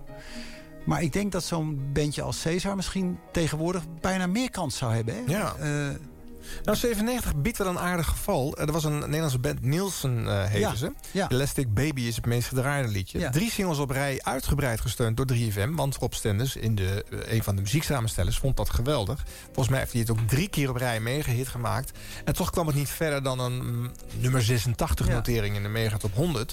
Hij ervoer toen voor het eerst, bij 3FM alleen kan je geen hit meer maken. Ja. En dat was natuurlijk tot, tot, eh, nou ja, voor de, eh, de- tot en met de eerste helft van de jaren 90 wel zo. Maar de slagkracht neemt af als er meer grotere zenders eh, naast komen te Ja. staan. Nu heb je twee of drie zenders nodig om dat eh, te bewerkstelligen. Maar 3FM labelt het handiger. Hè? Het etiketje Serious Talent is voor Nederlandse bands nu een, eh, een garantie Ja. tot, tot brede coverage. En dat komt bijna altijd wel goed. Over dat soort dingen is in de loop der jaren onder het bewind van... eerst onder Paul van der Lucht en daarna Florent Luiks... eh, en en eh, Mutsaars later. Gewoon zoveel beter nagedacht. We waren in die beginjaren, tenminste toen ik daarbij kwam... was het natuurlijk eigenlijk een zootje. Ja. Dat, dat had ik zelfs door dat ik dacht, het is toch heel raar... vooral toen ik er in het begin bij kwam, dat je op deze zender... eh, na de EO ineens die rare punk kan horen van de, van de VPRO. Ja. Op dezelfde dag. Dat sloeg natuurlijk eigenlijk als kut op Dirk. En ik, ik was dus ook in die zin niet echt een soort principiële tegenstander... van een soort eh, eh, samenbinding van die zender. Dus dat je, dat, je, dat je hem breder programmeerde en dat je het horizontaal ging doen.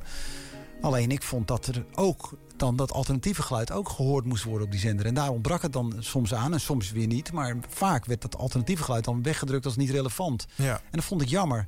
En het stak mij bijvoorbeeld ook dat, dat bijvoorbeeld eh, Paul van der Lucht... Hè, die, die zelf nooit beroerd is of was om ergens zijn mening over te geven. En, en, en prima manager op sommige fronten. Maar ik dacht ook, ja, als dan iemand met een, met een punkprogramma... wat weliswaar raar in elkaar steekt... maar toch 200.000 luisteraars scoort... en een heel aardig luistertijdaandeel... Ja. Geef dan ook eens een keer credit where credit's due, weet je wel. Zeg dan ook eens van, nou, vind ik toch knap, weet je wel. Dat, maar dan, dan had hij toch weer zoiets... dan moest hij nog even weer een, een schop nageven. Dat vond ik soms niet zo sportief. Nee.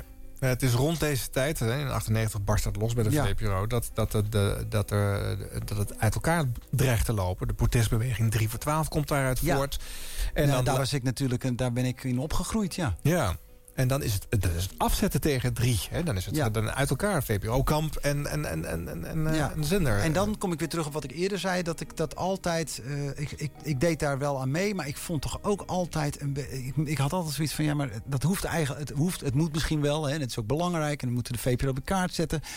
Maar je had toch altijd wel. Ik, had, ik voelde best wel gemeenschappelijke grond met mensen. Ook zoals Mark Stakenburg en Jan Douwe Kroeske. Die, die, die, weet je, er, er waren genoeg DJ's en muziekliefhebbers, muziekliefhebbers waarmee ik dacht, daar kan je prima, zouden wij een breed programma ook horizontaal, zouden we allemaal kunnen doen.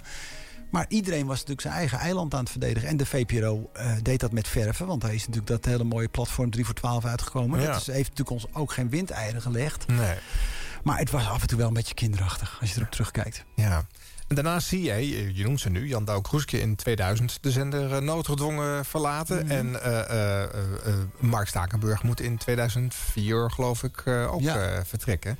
Ik moest ook vertrekken, ja, dan, eigenlijk. Gaat, dan komt het eraan natuurlijk. Het grappige was dat toen ik ging vertrekken, dat was in 2005, dat ik, ik ben eigenlijk, zeg maar, ik ben, mij, ik ben niet gesommeerd. Zo, ik, maar ik, ik voelde een soort bui hangen. En ik had toen zelf, door privéomstandigheden, had ik het nogal lastig. En eh, toen heb ik een, eh, ja, ik heb een burn-out gehad. En toen dacht ik na die burn-out van, moet ik hier wel eigenlijk door mee blijven gaan? En toen heb ik bedacht, oh, in overleg overigens hoor, met, eh, met, mijn, met mijn baas en personeelszaken, van misschien tijd voor iets anders. En toen ben ik, heb ik een ontzettend mooie afscheidsuitzending gehad. Waar ik met nog heel veel plezier aan terugdenk. Ik weet niet of je daar een fragment van hebt. Nee. Oh, wat was dat mooi zeg. Daar had je bij moeten zijn. Was je erbij? Nee. Het was heerlijk. Wat er gebeurde was dat we hadden... Ik deed toen een programma, want we hadden dus Club Lek gehad. We hadden Het Lek en daarna kwam Club Lek. Dat was een live programma wat we uitzonden vanuit Amsterdam. Elke woensdag. Eh, zeer populair. In ieder geval in de in-crowd. En eh, op de zender ook wel aardig te doen. Maar het was in ieder geval elke woensdagavond vol daar in de Desmet Studios. Ja, ik heb er toevallig een promootje van, eh, Ja. van 20 seconden. Zal ik dat even kort eh, tussendoor draaien? Hi, ik ben Jaap Boots van de VPRO en ik ga een nieuwe programmering voor 3FM eh, Club 3 voor 12 doen. Met heel veel live bands, heel veel leuke interviews. Elke woensdagavond live van 10 tot 1. Live vanuit Studio Desmet in Amsterdam. Club 3 voor 12. Luisteren of kijken via het internet. Oh ja, kijken. Ja, maar goed, dit is, dit is de- het vervolg Ja. van Club 3 voor 12. Met- Ja, maar de- dat je ook kon kijken, hè, want dat was natuurlijk heel revolutionair. Camera's in de studio en mensen konden dus thuis ook... eh, dat was natuurlijk ook mooi dat dat eindelijk eh, ge- gebeurde. Die visual radio in het begin zag het natuurlijk allemaal niet uit. En, eh, dat is later allemaal geprofessionaliseerd. Maar dat was wel het begin daarvan. Dat je dus ook als je in- niet in, in de buurt was... dat je toch kon zien hoe dat bandje er dan uitzag op je computertje. En aan dat programma Club 3 voor 12, daar heb ik hele goede herinneringen. Dat was toch ook wel, naast Mr. Lee, wel een soort kroon op mijn werk, denk ik. En eh, ik heb daar hele... Ja, Manu Chao is daar langs geweest, weet je wel. Arno, eh, de Frans Ferdinand. Gewoon echt hele goede bands. Grote bands ook vaak. Maar ik, ja, dat was heel, heel fantastisch om te doen. En ook heel dankbaar. Veel, veel goede, positieve lof op gekregen. En toen hebben we een afscheidsuitzending gedaan. Daarin had ik een aantal gastmuzikanten gevraagd om een soort superband te formeren. De Jabo Superfanfare. En die hebben toen allemaal covers gespeeld met gastzangers van nummers die ik leuk vond. En een van de nummers die ik heel erg leuk vond is Born to Run van Bruce Springsteen. Dat Ja. heb ik toen zelf gezongen. Ja.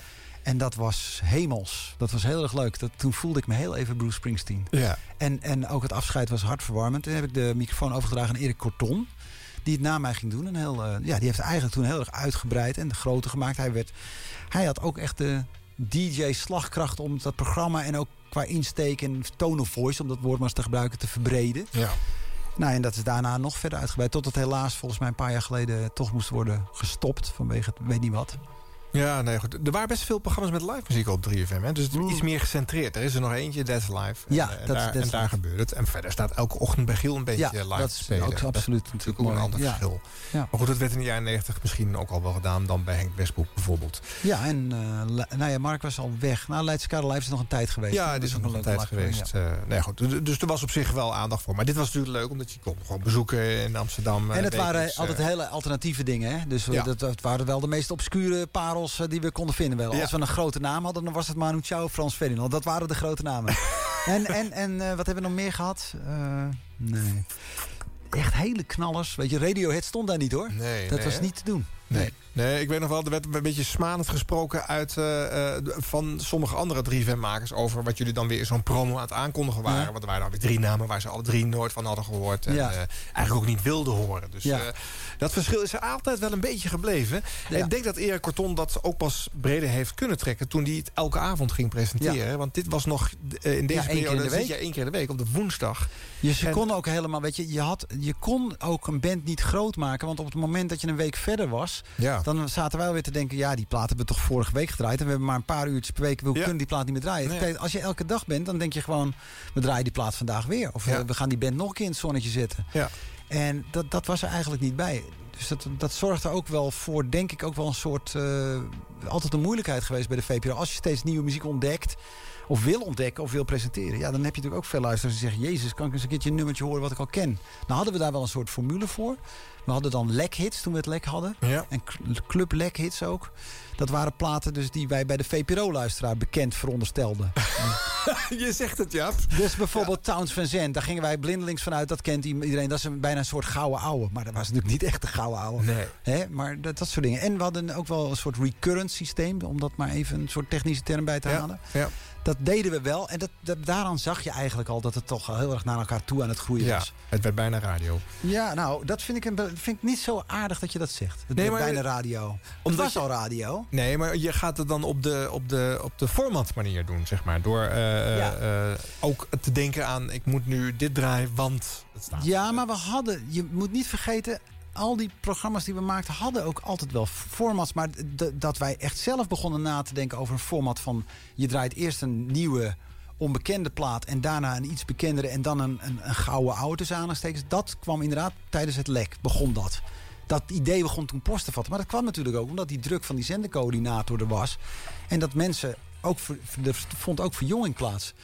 En was het niet zo dat ook de muzieksamenstellers zich wilden gaan bemoeien met eh, de ja, de- dat, de dat hing altijd boven ons hoofd. En, en, en Wallof was dan ook wel de, de slimme machiavellistische heerser... om dan ook daarmee te dreigen bij ons. Van ja, als we ons niet een beetje aanpassen... dan zou het natuurlijk wel kunnen zijn... dat de programmering van ons binnenkort helemaal de nek wordt omgedraaid. Dus wat doen we nou? En hij heeft toen ook nog, ja, toen heeft hij samen met Erwin Blom eh, een hele drieste poging natuurlijk nog ondernomen en om 3 voor 12 op te zetten. Ja. Dat is gelukt. Ja.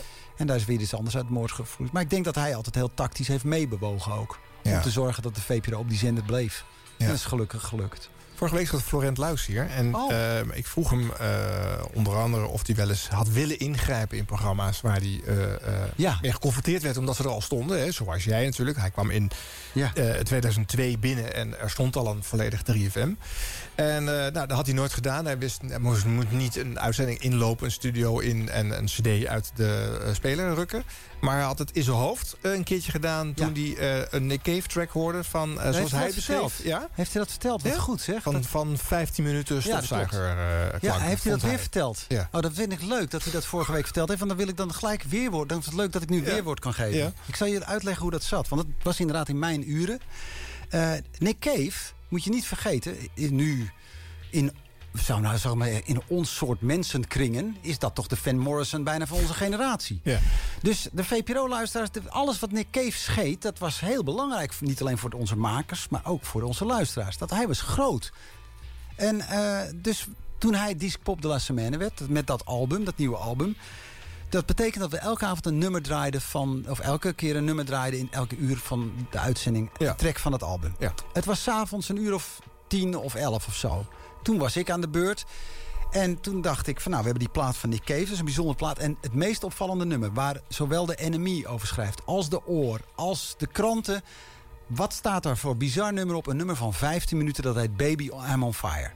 Nou, eh, eh, VPRO-luisteraars, het was de- denk voor het internet... die konden dat niet even checken, dus die moesten dat horen. Dus ik vond dat een dienst aan de luisteraars, aan de Ja. VPRO... en aan Nick Cave-fans. Jongens, die Nick Cave, wat hij nou heeft gepresteerd... luister naar dit nummer. Gewoon een eenmalige actie, niet om het een hit te maken... maar gewoon informatie. Signalering. Signalering. En ik draai dat. En ik bedoel, je kan het, gaat, eh, luisteraars, gaat even checken. Ontzettend leuke videoclip van dit nummer op eh, YouTube. Fantastisch leuke clip. Heel humoristisch.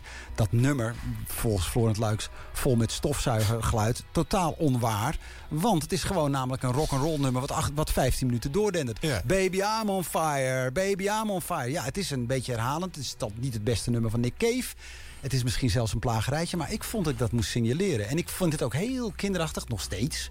Dat Florent Luiks dat destijds zei dat hij naar de studio had willen Hoe ging dat dan? Hoe, hij heeft Walf gebeld. Oké. Volgens mij heeft hij Walf gebeld en gezegd van wat, wat is dit? Kan die stofzuigermuziek uit? Ja. En toen zei Walf, eh, ik ben niet in de studio en Jaap eh, maakt het programma. Dus eh, je zal naar de studio moeten gaan of zoiets, zal hij gezegd hebben. Ja. En ik wist van niks, want ik zat gewoon dat nummer te draaien. En ik Ja. hoorde het pas achteraf. Ja, ik vond het, ja, ik vond het heel erg kinderachtig. Ik vond het ook, nou ja, kinderachtig is, kinderachtig het goede woord? Het is, je kunt ook zeggen gewoon verschil- ernstig verschil van mening. Ja. Over signalering versus vervreemding eigenlijk. Wat, wat, wat, dat had je natuurlijk vaak, hè? Dat, eh, dat heb ik nog niet verteld. Maar wij hadden de- bij de VPRO dan... Wij gingen de eerste singles draaien van Oasis. De eerste singles van Radiohead. Oh, wat een teringherrie was dat volgens de zendercoördinatoren. Ach, het sloeg allemaal nergens op. Totdat die jongens groot werden. En hits kregen. En in Engeland en Amerikaanse muziekbladen op handen gedragen werden. Tot grote platenmaatschappijen ze gingen tekenen. Toen Sony met Oasis aankwam, was het ineens helemaal de bom op Ja. 3FM. Ja. met Wonderwol, nou, ze konden het niet genoeg draaien.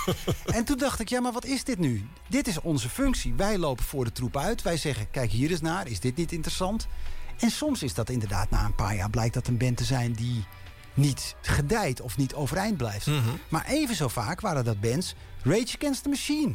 Man, wat een teringherrie was dat. Daar wilden ze niks van weten. Ja, totdat het op Pinkpop losbarstte en iedereen ermee wegliep. Ja, Weet je? ja. Ik, dat, heb ik de, al, dat heb ik nooit begrepen. Daar kan ik ook nog steeds kwaad over worden, zoals je misschien hoort. Nou ja, Mark Stakenburg die vertelde hier eh, dat hij eh, had bijvoorbeeld No Doubt in de studio gehad. Ja. eh, die een half jaar later doorbraken. maar voor die tijd door iedereen genegeerd werden bij Ja. 3FM. En ook door de muzieksamenstellers. Maar hij zei ook wel, ja, ik liep misschien steeds net iets te ver voor de troepen uit. Ja, dat, dat, dat kan natuurlijk. Dat kan natuurlijk. Maar eh, wat ik net zei, dat was geloof ik buiten de. Toen stond de microfoon niet open. Eh, de VPRO werd vaak verweten dat wij een soort blinde vlek hadden voor wat de gemiddelde luisteraar leuk vond en wat radio maken eigenlijk inhield. Is absoluut waar.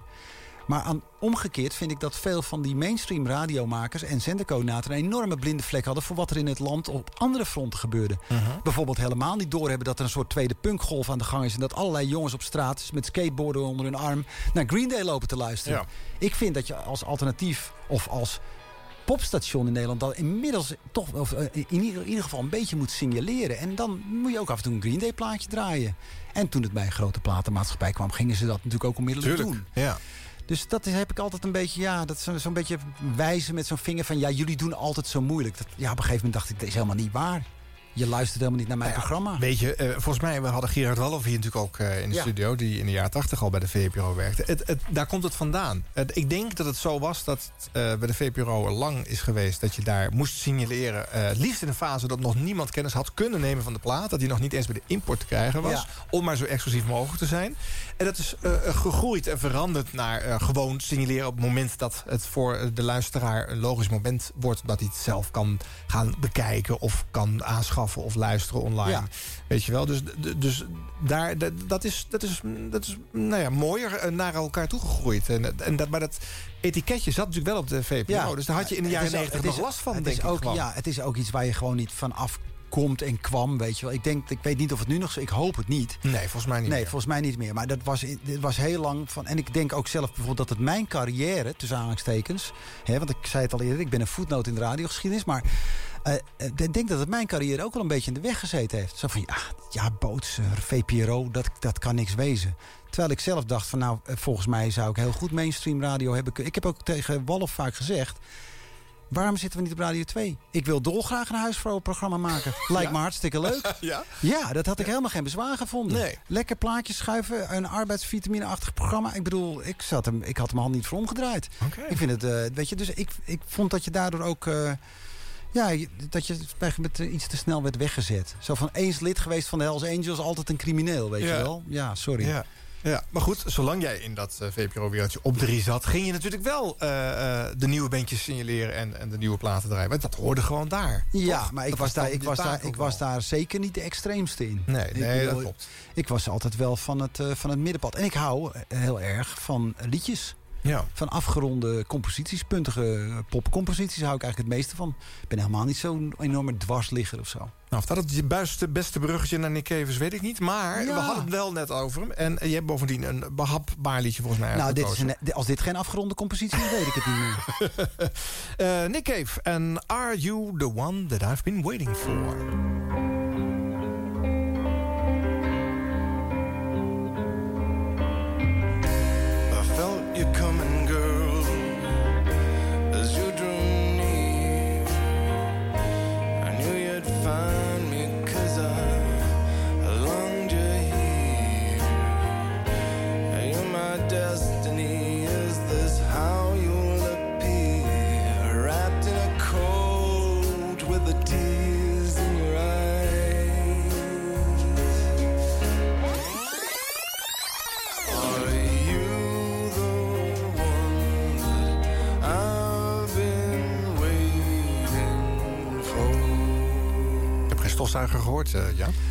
Dan moet je Baby I'm on Fire een keer opzetten. ja, die was niet Daag, 97, daag ik je dus, toe eh, uit. Mooi nummer. Die kon niet. eh, Nick Cave. Nick Cave. The Boatman's yes. Call. Prachtige plaat. Ja. Eh, is dit dan typische VPRO-muziek? Want Ja. er geen andere omroep die dit draaide op 3FM. Als je het hebt over dat jaar 1997, dan was dit typische VPRO-muziek. Maar ook Pavement, ook Elliott Smith draaiden wij, maar ook dance. Er werd ook hip-hop gedraaid natuurlijk, dat deden we ook. Eh, ik denk dat de typische VPRO-muziek van die tijd was... Ja, wat wij dan altijd noemden de muziek met het rafelrandje, weet je wel. De, de wat alternatief, voor mensen, popkenners. Mensen die de oor lazen, mensen die wisten wat de enemy was. Mensen die eh, mu- popmuziek zagen als een avontuur... in plaats van als een soort behang. Eh, weet je wel, er zijn eigenlijk twee scholen, denk ik... bij in radio maken en DJ zijn. De- er is één school en die is, die is gaan prevaleren. Dat is de school waarbij, zeker overdag... eh, muziek eigenlijk bijzaak is. En wat belangrijker is, is welke DJ zit er, welke grappen die maakt... reclamegelden, eh, visual radio, eh, interviews... gezellig eh, nieuws ach- eh, en, en eh, weerberichten, eh, spelletjes, noem het maar op... En de muziek moet daaraan bijdragen. En in de VPRO-school is de muziek staat voorop. En wij als DJ's moeten die muziek verspreiden als het woord van God. Ja. En daar moeten wij keihard in te werk gaan met te vuur en te zwaard. Super fanatiek. Maar uit een muziekliefhebber oogpunt. En dat is een heel andere kijk naar radio maken. In 1997 is er een serieus plan om eh, vanwege dit dilemma... ook eh, de popzender in tweeën te Ja, splitsen. Radio eh, 6 toen ja, al, hè? Radio 6. Niet voor soul en jazz, maar En dat was eigenlijk een briljant plan van Paul van der Lucht. Ja. Want dat had, dat had misschien wel iets kunnen worden... maar dat is een hele stille dood gestorven. Dan was 3 voor 12 niet gekomen namelijk. Eh, Nee. Want dat was namelijk een station geweest... waar de VPRO eh, de hoofdbespeler geweest op zou had zijn. eh. gedonderd kunnen zijn. Ja, geworden. was hij er ook vanaf, ja. Hij wilde hè, Ja. de VPRO graag van 3 af. Dat, eh. maar ik, ik, heb, ik, ik kan me herinneren dat ik dat in die tijd... natuurlijk kreeg ik dat ook ter oren. En ik vond dat... en ik las het, herlas het ook in je boek.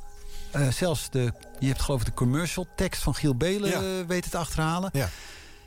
Wat een geniaal plan. Wat hadden we, dat hadden we echt moeten doen. wat, wat, wat was dat groot geworden? Ja, ja. Ik denk dat dat, en ik denk dat dat dan nu ook een heleboel ellende...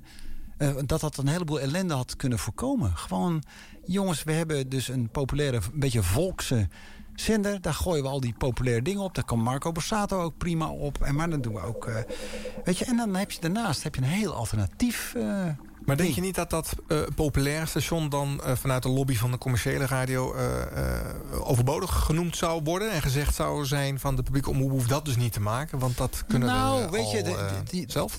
Dat, dat denk ik niet eigenlijk. Omdat ik denk dat je. Ik, dat ik dus inderdaad denk dat je. Popmuziek is zo breed en werd ook steeds breder. Dat je in, in, in, eh, op, dat, op dat wat traditioneler of dat hitgerichte 3FM. Had je, het, had je volgens mij nog, eh, nog een eh, alternatief genoeg kunnen zijn. Weet je? Ja. Maar dat echte, dat echte linkerspoor. Waarbij je dus de hele tijd op zoek gaat naar allernieuwste muziek en live-opnames en moeilijke muziek. Je had op dat Radio 6 natuurlijk ook jazzprogramma's kunnen doen. Eh, je had so, oude soul kunnen doen. Roel Benz met zijn stompingvel, dat daar een prima Ja. plek. Weet je, wel. je, je had eh, bluesprogramma's kunnen maken. Je had daar natuurlijk Dan is het nou ja, een- beetje wat dit station is, Kicks Radio. Ja. Formatvrij. eh Ja. For the love of music. Nou Jaap, eh, we gaan weer wat geluid eh, laten horen. Eh, je zei, ik was veel op festivals. Ik heb nu uit 2003 een fragmentje van het Eurosonic Festival.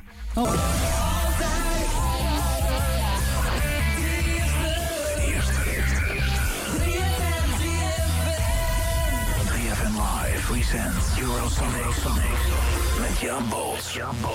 Hallo, je bent terug in de huiskamer van de Vera, de gezellige huiskamer... waar we nog eh, twee uur vanuit verslag gaan doen van eh, Eurosonic 2003. En we gaan nu naar eh, Huizemaas voor de muziek van Perry Rose. En dat betekent Keltische klanken op 3FM.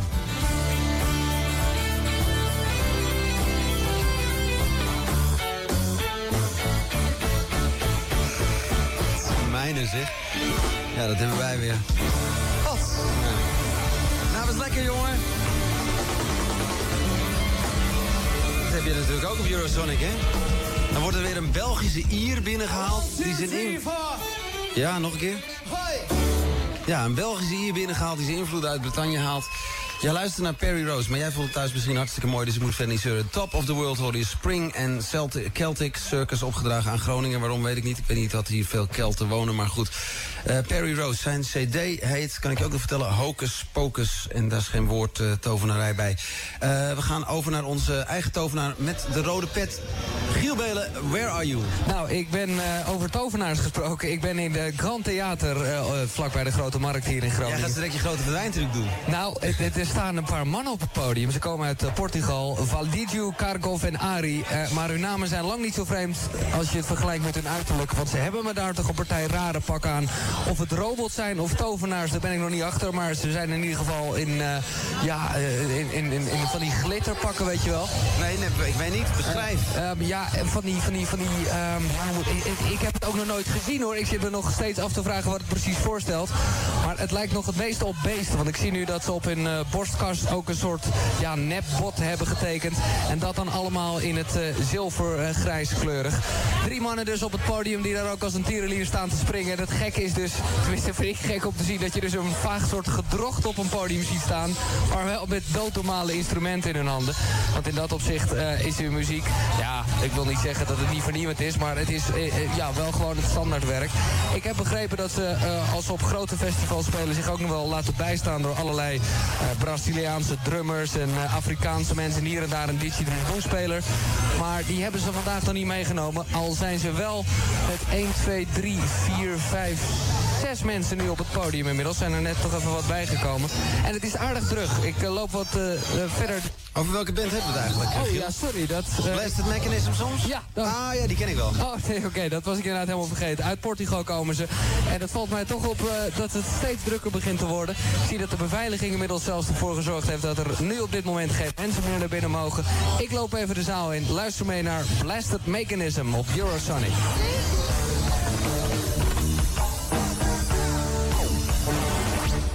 Ja. Geweldig. Ja, een hele mooie aankondiging. Ah, dan heb je...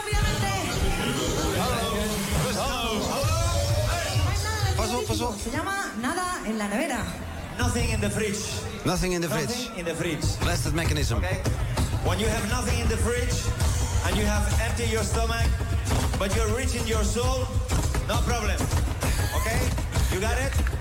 Eigenlijk horen we hier eh, volgens mij een live schakeling, maar ze zitten net aan het eind van het nummer. Hè? Dat eh, krijg je natuurlijk als je live eh, gaat schakelen. Ja, dat, dan, en eh, dat, dat, dat is ook wel weer opvallend. Wat, wat ik eerder vertelde, dat wij dan heel blij waren. Ja. Dat al die bands eh, onder de knop hadden, zoals we dat noemden. We hadden dan verbinding met drie of vier zalen. En dat, dat konden dus eigenlijk kiezen van we gaan nu naar Huizen Maas of we Ja. gaan naar de Vera. Ja. Eh, je moet eigenlijk Vera zeggen, maar goed, ik zeg altijd de Vera per ongeluk. En, en dat, dat had natuurlijk voordelen, maar ook nadelen. Zoals het zo'n onprettige Keltische verrassing. Je kon mij horen dat ik daar helemaal geen reet aan Nee, vond. nee. En dat je dus ook, want dat is natuurlijk wel een puntje. Je schuift zo'n band erin, je weet niet precies wat je te wachten staat. Nee. En dan kan het slecht zijn. En wat doe je dan? Je gaat niet na een minuut dan denken, trek het er maar af. Is ook, Nee. Dan moet het wel heel erg zijn. Ja. Dat is ook raar voor de luisteraar. Dus dan laat je drie minuten staan. Maar wat krijg je dan? Die band speelt het volgende nummer aansluitend door. Ja, Wat ja, nu? Zeven minuten ellende op de radio. En dat is natuurlijk een risico wat, wat je als, als, als, als 3FM natuurlijk liever niet loopt. Nee. En eh, dat, dat gebeurde bij die Eurosonic-uitzendingen toch wel regelmatig. Maar ja, er stond ook iets tegenover natuurlijk. En, en dat is denk ik ook moeilijk te beoordelen. Ik zat natuurlijk altijd in die heksenketel. Ik had het daar ontzettend leuk met muzikanten die in en Ja. uitliepen. Die, de Vera, eh, eh, eh, dat, dat, dat, dat, die bar zaten wij altijd boven uit te zenden. Ja. Dat met, met al die jongens uit Groningen die we elk jaar zagen. Ontzettend gezellig en Ja. leuk. En al die bands. Maar hoe dat op de luisteraar overkwam... daar waren we toch... was ik in ieder geval... ja, ik deed mijn best... Maar ik heb dat natuurlijk nooit ervaren. Misschien had ik eens een keer gewoon thuis moeten gaan zitten... terwijl iemand anders dat deed. En ik, Ja. nou oké... Is dit nou inderdaad prettige, leuke radio? Krijg je inderdaad een goed idee van zo'n festival? Ja, ja. Weet je, dat was misschien... Nou, ik heb een aantal jaren ook eh, Pinkpop en Lowlands Ja. mogen verslaan op 3FM. En toen ik dat niet meer eh, mocht doen, eh, luisterde ik. En toen viel mij vooral op dat iedereen steeds zegt waar ze staan. Alsof dat heel belangrijk is. Ik sta in Alfa, ik sta. En steeds dat. Eh, eh, en dan ook allemaal sfeer-itempjes gaan maken. Ja. Die- Iemand laat zich masseren, iemand staat bij een bar iets Ja. geks te drinken. Daar, het was, daar is allemaal niks aan. Dat vind je helemaal niet leuk. Dat is alleen maar leuk daar. Ja. Maar het wordt nog steeds gedaan. Het Ja. houdt niet op. Dit is kennelijk wat je gaat doen als je op een festival staat. eh. Ja, misschien is dat zo inderdaad. En, en dus veel slap geouwe. Je, hoorde mij Giel Belen tot de orde roepen van... hoe Ja. heet die band Ja. eigenlijk? Ja. En, en wat dat betreft is het wel leuk ook. Want ik werd eigenlijk ook zelf, denk ik, ook een iets betere DJ, annex programmamaker. toen ik bij de oude Wim Noordhoek in de leer kwam. Want na 3FM kwam ik eh, terecht op eh, het programma De Avonden. Ja. En daar heb ik ook eh, literaire programma's gepresenteerd en zo. En Noordhoek die hield mij altijd voor. als ik weer te lang praatte, zei hij namen. En nee, ja, namen en rugnummers, Jaap. Namen en rugnummers. Alsof je een wielenkoers verslaat. Je moet Ja. alleen maar zeggen op kop. Giopaldi, nummer 14. Ja. Dus daar word je ook beter van. Want dat, dan, dan, bijvoorbeeld als je een- de- bij Radio 6 merkte ik dat als ik zelf schuif, weet je, dat, dat een programma zoveel meer swing krijgt en zo Ja. verder gaat als je dus uit een ene plaat komt en Nick Cave met een fantastisch nummer van de Boatman's Call. En hier zijn Me First and the Gimme Gimmes, ik noem maar Ja, wat, weet je. Dat je dat loopt zoveel fijner. En die luisteraar die vindt het best leuk om af en toe wat geouwehoer te horen. Tenminste, deze luisteraar ook. Ja. Maar dat eindeloos geouwehoer. Ik ben ook niet zo van de spelletjes en de ellenlange interviews... en de grap en grollen al helemaal niet op de radio. Eindeloos flauw. Eh, DJ-duo's. Oh, verschrikkelijk. Heel erg tegen. Sidekicks. Ja. Eh, ik heb er gewerkt met één. eh, dat was geen sidekick, want die wrong zich meteen naar voren... van ik ben ook presentator Koen Schouten. Ja. Toen werd het een heel explosief en leuk programma. Ja. Eh, maar verder altijd ver gebleven van de sidekick. En ook geen sidekick willen spelen. En ik vind het eh, over het algemeen heel verschrikkelijke radio. Ja. Ik kan er niet zo goed naar luisteren. Ik kan ook niet goed luisteren naar DJ's die zichzelf ontzettend leuk vinden. Ik denk, ik vind altijd humor... Weet je, dat is net zo met stand-up comedians. Weet je, je bent, je bent leuk, maar, je kunt, maar de meeste mensen doen alleen maar leuk, weet je wel. En dan... pff, nee, ik kan echt... eh, En die muziek, die gaat dan altijd zo verloren. Die mensen, ik heb, ben zelf natuurlijk ook muzikant. Ik ga binnenkort weer een nieuwe cd maken. Ja. Ik sta met muzikanten in de studio, fantastisch. En, en dan denk ik, die, die mensen die daar, die daar bloed, zweet en tranen... die dus in die busjes gaan zitten... Hè, die jarenlang hun leven aan de rock and roll geven... geef die nou een podium... in plaats van de hele tijd je eigen lul op tafel te leggen... en zeggen dat je zo mooi besneden bent. Ik word daar niet goed van. En ik vind dat die bands, dat was altijd mijn missie. Het was bij, was bij Radio 3, eh, 3FM, bij de avonden en bij Radio 6. De muziek wilde ik op een, op een voetstuk zetten. Ik wilde er ook graag naast staan en meeglanzen. Maar die muziek was het belangrijkste. Die muzikanten, die wilde ik een podium geven. Ik was als een, zo blij als een 107 lullen als, als, als er een nieuwe artiest fantastisch presteerde in de studio. Dan dacht ik, jezus, dit is zo goed. Ik dacht bijna nooit na afloop, wat heb ik een leuke grap gemaakt? Of wat heb ik dat intro goed volgepraat? Nee. Maar als je dat vindt, hè, dan heb je ook eh, eh, vaak ervaren... dus Je hebt duizenden bands zien komen en gaan... die het allemaal niet gered hebben... omdat ze niet passen in de mal van het standaardplaatje... wat bijvoorbeeld op de radio eh, toegestaan wordt. Ja. Je hebt veel dromen kapot zien gaan... illusies Ja. verstoord zien worden. Wat, heeft dat jou niet geremd daarin dan? Of? Hoezo zou dat me dan remmen? Nou ja, dat je denkt, ja, waarom doe ik dat eigenlijk? Want dit vindt eh, misschien ik en, en eh, stel liefhebbers leuk... en daarna stopt het weer. En dan zitten die jongens weer gedesillusioneerd thuis... om een saaie kantoorbaan op. Ja, maar ik, ik, heb, ik heb nooit bands omhoog gehouden die ik niet goed vond. Weet je wel, ik ging, als ik een band echt, als ik een demo op mijn studio... want ik kreeg natuurlijk ook altijd demo's en cd's Ja. van bands die wilden in, eh, kwamen Ja. in Club 3 Vertrouwen spelen. En Ja. dacht ik, als het echt heel slecht was, dacht ik... en dan kreeg ik een mooie brief bij, leuke foto... beste Jaap, we zijn fans van jouw programma. Tuurlijk. Maar als ik, als ik dacht van ja, ik vind het niet goed... dan ging ik ze niet op de radio zetten natuurlijk. Als ik niet dacht... Ik dacht natuurlijk echt dat Caesar, op dat moment dat ik met ze begon... de beste band van Nederland was. Ja. Dat waren ze natuurlijk niet, maar dat dacht ik echt. Ja. En, en ik wilde hun heel graag een podium bieden. En ik, ik zou het fantastisch hebben gevonden als Situations, Complications... eh, tot nu een gouden ouwe zou zijn geworden. Ja. Maar dat, dat, dat, dat kon ik dan niet. eh, weet je, ik, nee, ik heb dat niet... eh, slechte muziek ga je niet omhoog houden. Je gaat goede muziek omhoog houden, waar je in gelooft. Ja. Wij hielden Oasis omhoog. We hielden, nee, ik hield van alles om. Ik heb in de jaren zoveel bands omhoog gehouden. Ja. En ja, die hebben het niet allemaal gemaakt. Maar daar is, wat is het maken, hè? We draaien hopelijk aan het eind van dit eh, uur... of het eind van deze uitzending is het geloof ik al, hè? Want Ja. het is bijna negen uur. Ja, ja. Gaan we Pavement draaien. Kijk, dat is nou zo'n band die is... Wie kent dat nou? Bijna niemand. Maar onder, onder liefhebbers moet je de naam Pavement laten vallen. Dan zeggen heel ontzettend veel mensen... oh, wat een geweldige, geniale band was dat. Ja. Dat is zo mooi. Oké, dat heeft nooit in de top 100 gestaan. Oké, dat heeft nooit een grote hit in Nederland gehad. Maar is het daardoor minder waardevol? Is, is eh, eh, schilderkunst, omdat er toevallig eh, geen 50 miljoen voor wordt betaald... ineens waardeloos, weet je? Dat is, Of zijn, is een voetballer die speelt bij Haarlem... of bij Vitesse minder waard eh, om af en toe eens naar te kijken... dan eh, Aldo naar Messi, weet je wel? Ik vind dat die mensen hebben ook bestaan, zeg. Dus ik vind dat je die andere muzikanten eh, ook een podium moet geven. Ik denk dat het ook wel voortkomt uit het feit dat ik zelf vaak optreed en heb opgetreden. Ik vind het fantastisch als iemand denkt van... die jongen van Boots, die laten wij vanavond nou eens even in ons clubje staan. Dan ben ik dankbaar en denk ja, ik- ik doe mijn ding. Dat wordt gewaardeerd. Misschien zitten er 10 mensen, 15 mensen, 20 mensen. Dat hoeft een geweldige avond toch niet in de weg te staan. Nee. Dat is ook mooi. Eh, ik heb dat boek Donderweg geschreven. Er zijn er 2000 van verkocht. Ik had natuurlijk ook wel 20.000 willen wegzetten. Maar is het daardoor een minder goed boek? Nee, het is een steengoed boek. Alleen maar door 2000 mensen gelezen. Maar dat, weet je, dat, is toch geen, dat kan geen criterium zijn. Nee, nee. Dus eigenlijk zeg je, het- is, het is een pleidooi om, om, om niet alleen maar het klatergoud en de grote getallen te Ja, nou niet alleen, weet je, je kunt kwaliteit en, en kwaliteit eh, niet alleen afmeten aan cijfers en geld. Dat is gewoon niet te doen. Dat is gewoon bewezen niet oké ook. Nee. Want dan, dan sluit je een heleboel dingen uit. Dan kan je bijvoorbeeld zeggen, ja, zo'n eikenboom. Wat, wat, wat heeft dat nou voor nut? Het levert niks op. Het vallen alleen maar eikels af waar je last van hebt op je autodak. Zaag maar om. Ja. Dat, dat is de mentaliteit die veel mensen, in het, zeker in het kapitalistische denken, hanteren. En het, de popbusiness is natuurlijk kapitalistenbusiness bij uitstek. Ja. Maar het is tegelijkertijd een creatieve en artistieke business. Ja. En dat zijn echt artiesten. Dat zijn mensen die, die, die zijn, nou ja, dat weet je. Die zijn bereid om te sterven voor hun kunst. En dat doen ze soms ook. Ja. Door de drugs of door de drank of een auto-ongeluk of wat dan ook. Maar die zijn met hart en ziel bezig met die, met die toestand. Nou, Ja. dus die mensen moet je, er moet je een lampje op zetten. Ja.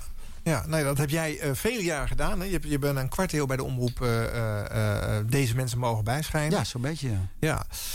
Eh, eh, eh, nu even niet, zeg je. Ja, op kleine schaal eventjes hier en daar Ja, een dingetje. En, eh, maar je gaat wel weer zelf eh, in spotlights eh, staan. Eh, Ja, dat heb je ook al gedaan eh, door met je boek eh, te toeren. Ja, Dus, eh, 50 shows, man. Ja, Leuk, een indrukwekkend getal is dat. Ja, dat vind ik zelf ook. Daar ben ik Ja. heel blij mee. Ik ben, ik ben de transitie aan het maken, denk ik, van, eh, van jarenlang zelf eh, een lampje zetten op andere mensen. Ja. Nu wil ik zelf een lampje op mij. En dat kan een bescheiden lampje zijn. eh, en misschien komen daar maar 50 mensen op af. Weet je wel, soms komen er 100 mensen als ik een keer mazzel heb. Maar ik sta ook wel eens voor vijf mensen. En het interesseert me geen ruk, want het is geweldig. En wat ik doe, dames en heren, is echt kwaliteit. Dames en heren, ja, boot! Dankjewel. En uiteraard, zoals gezegd, het aan het slot, want ik vind het helemaal niet erg om dwars door de intro te praten. Maakt me niks uit. Volgende week Paul Rabbering.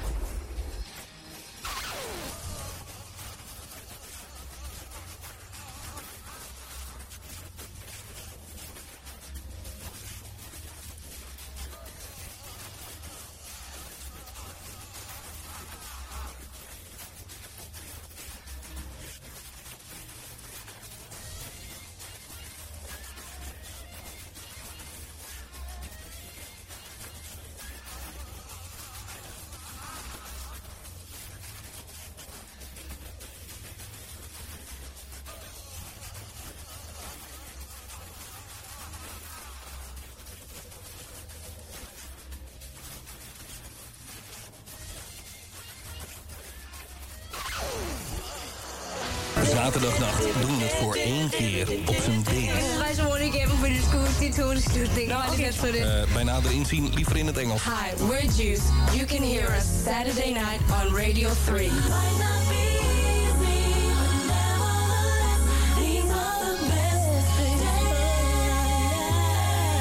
Juice bij Jeffrey, zaterdagnacht van 12 tot 3. Active, active radio. radio. Wel een latertje, maar ik hoop dat u het gezellig hebt gevonden. Bedankt en eh welterusten. Deze zender sluit af met reclame en journaal. Tot volgende week woensdag en welterusten.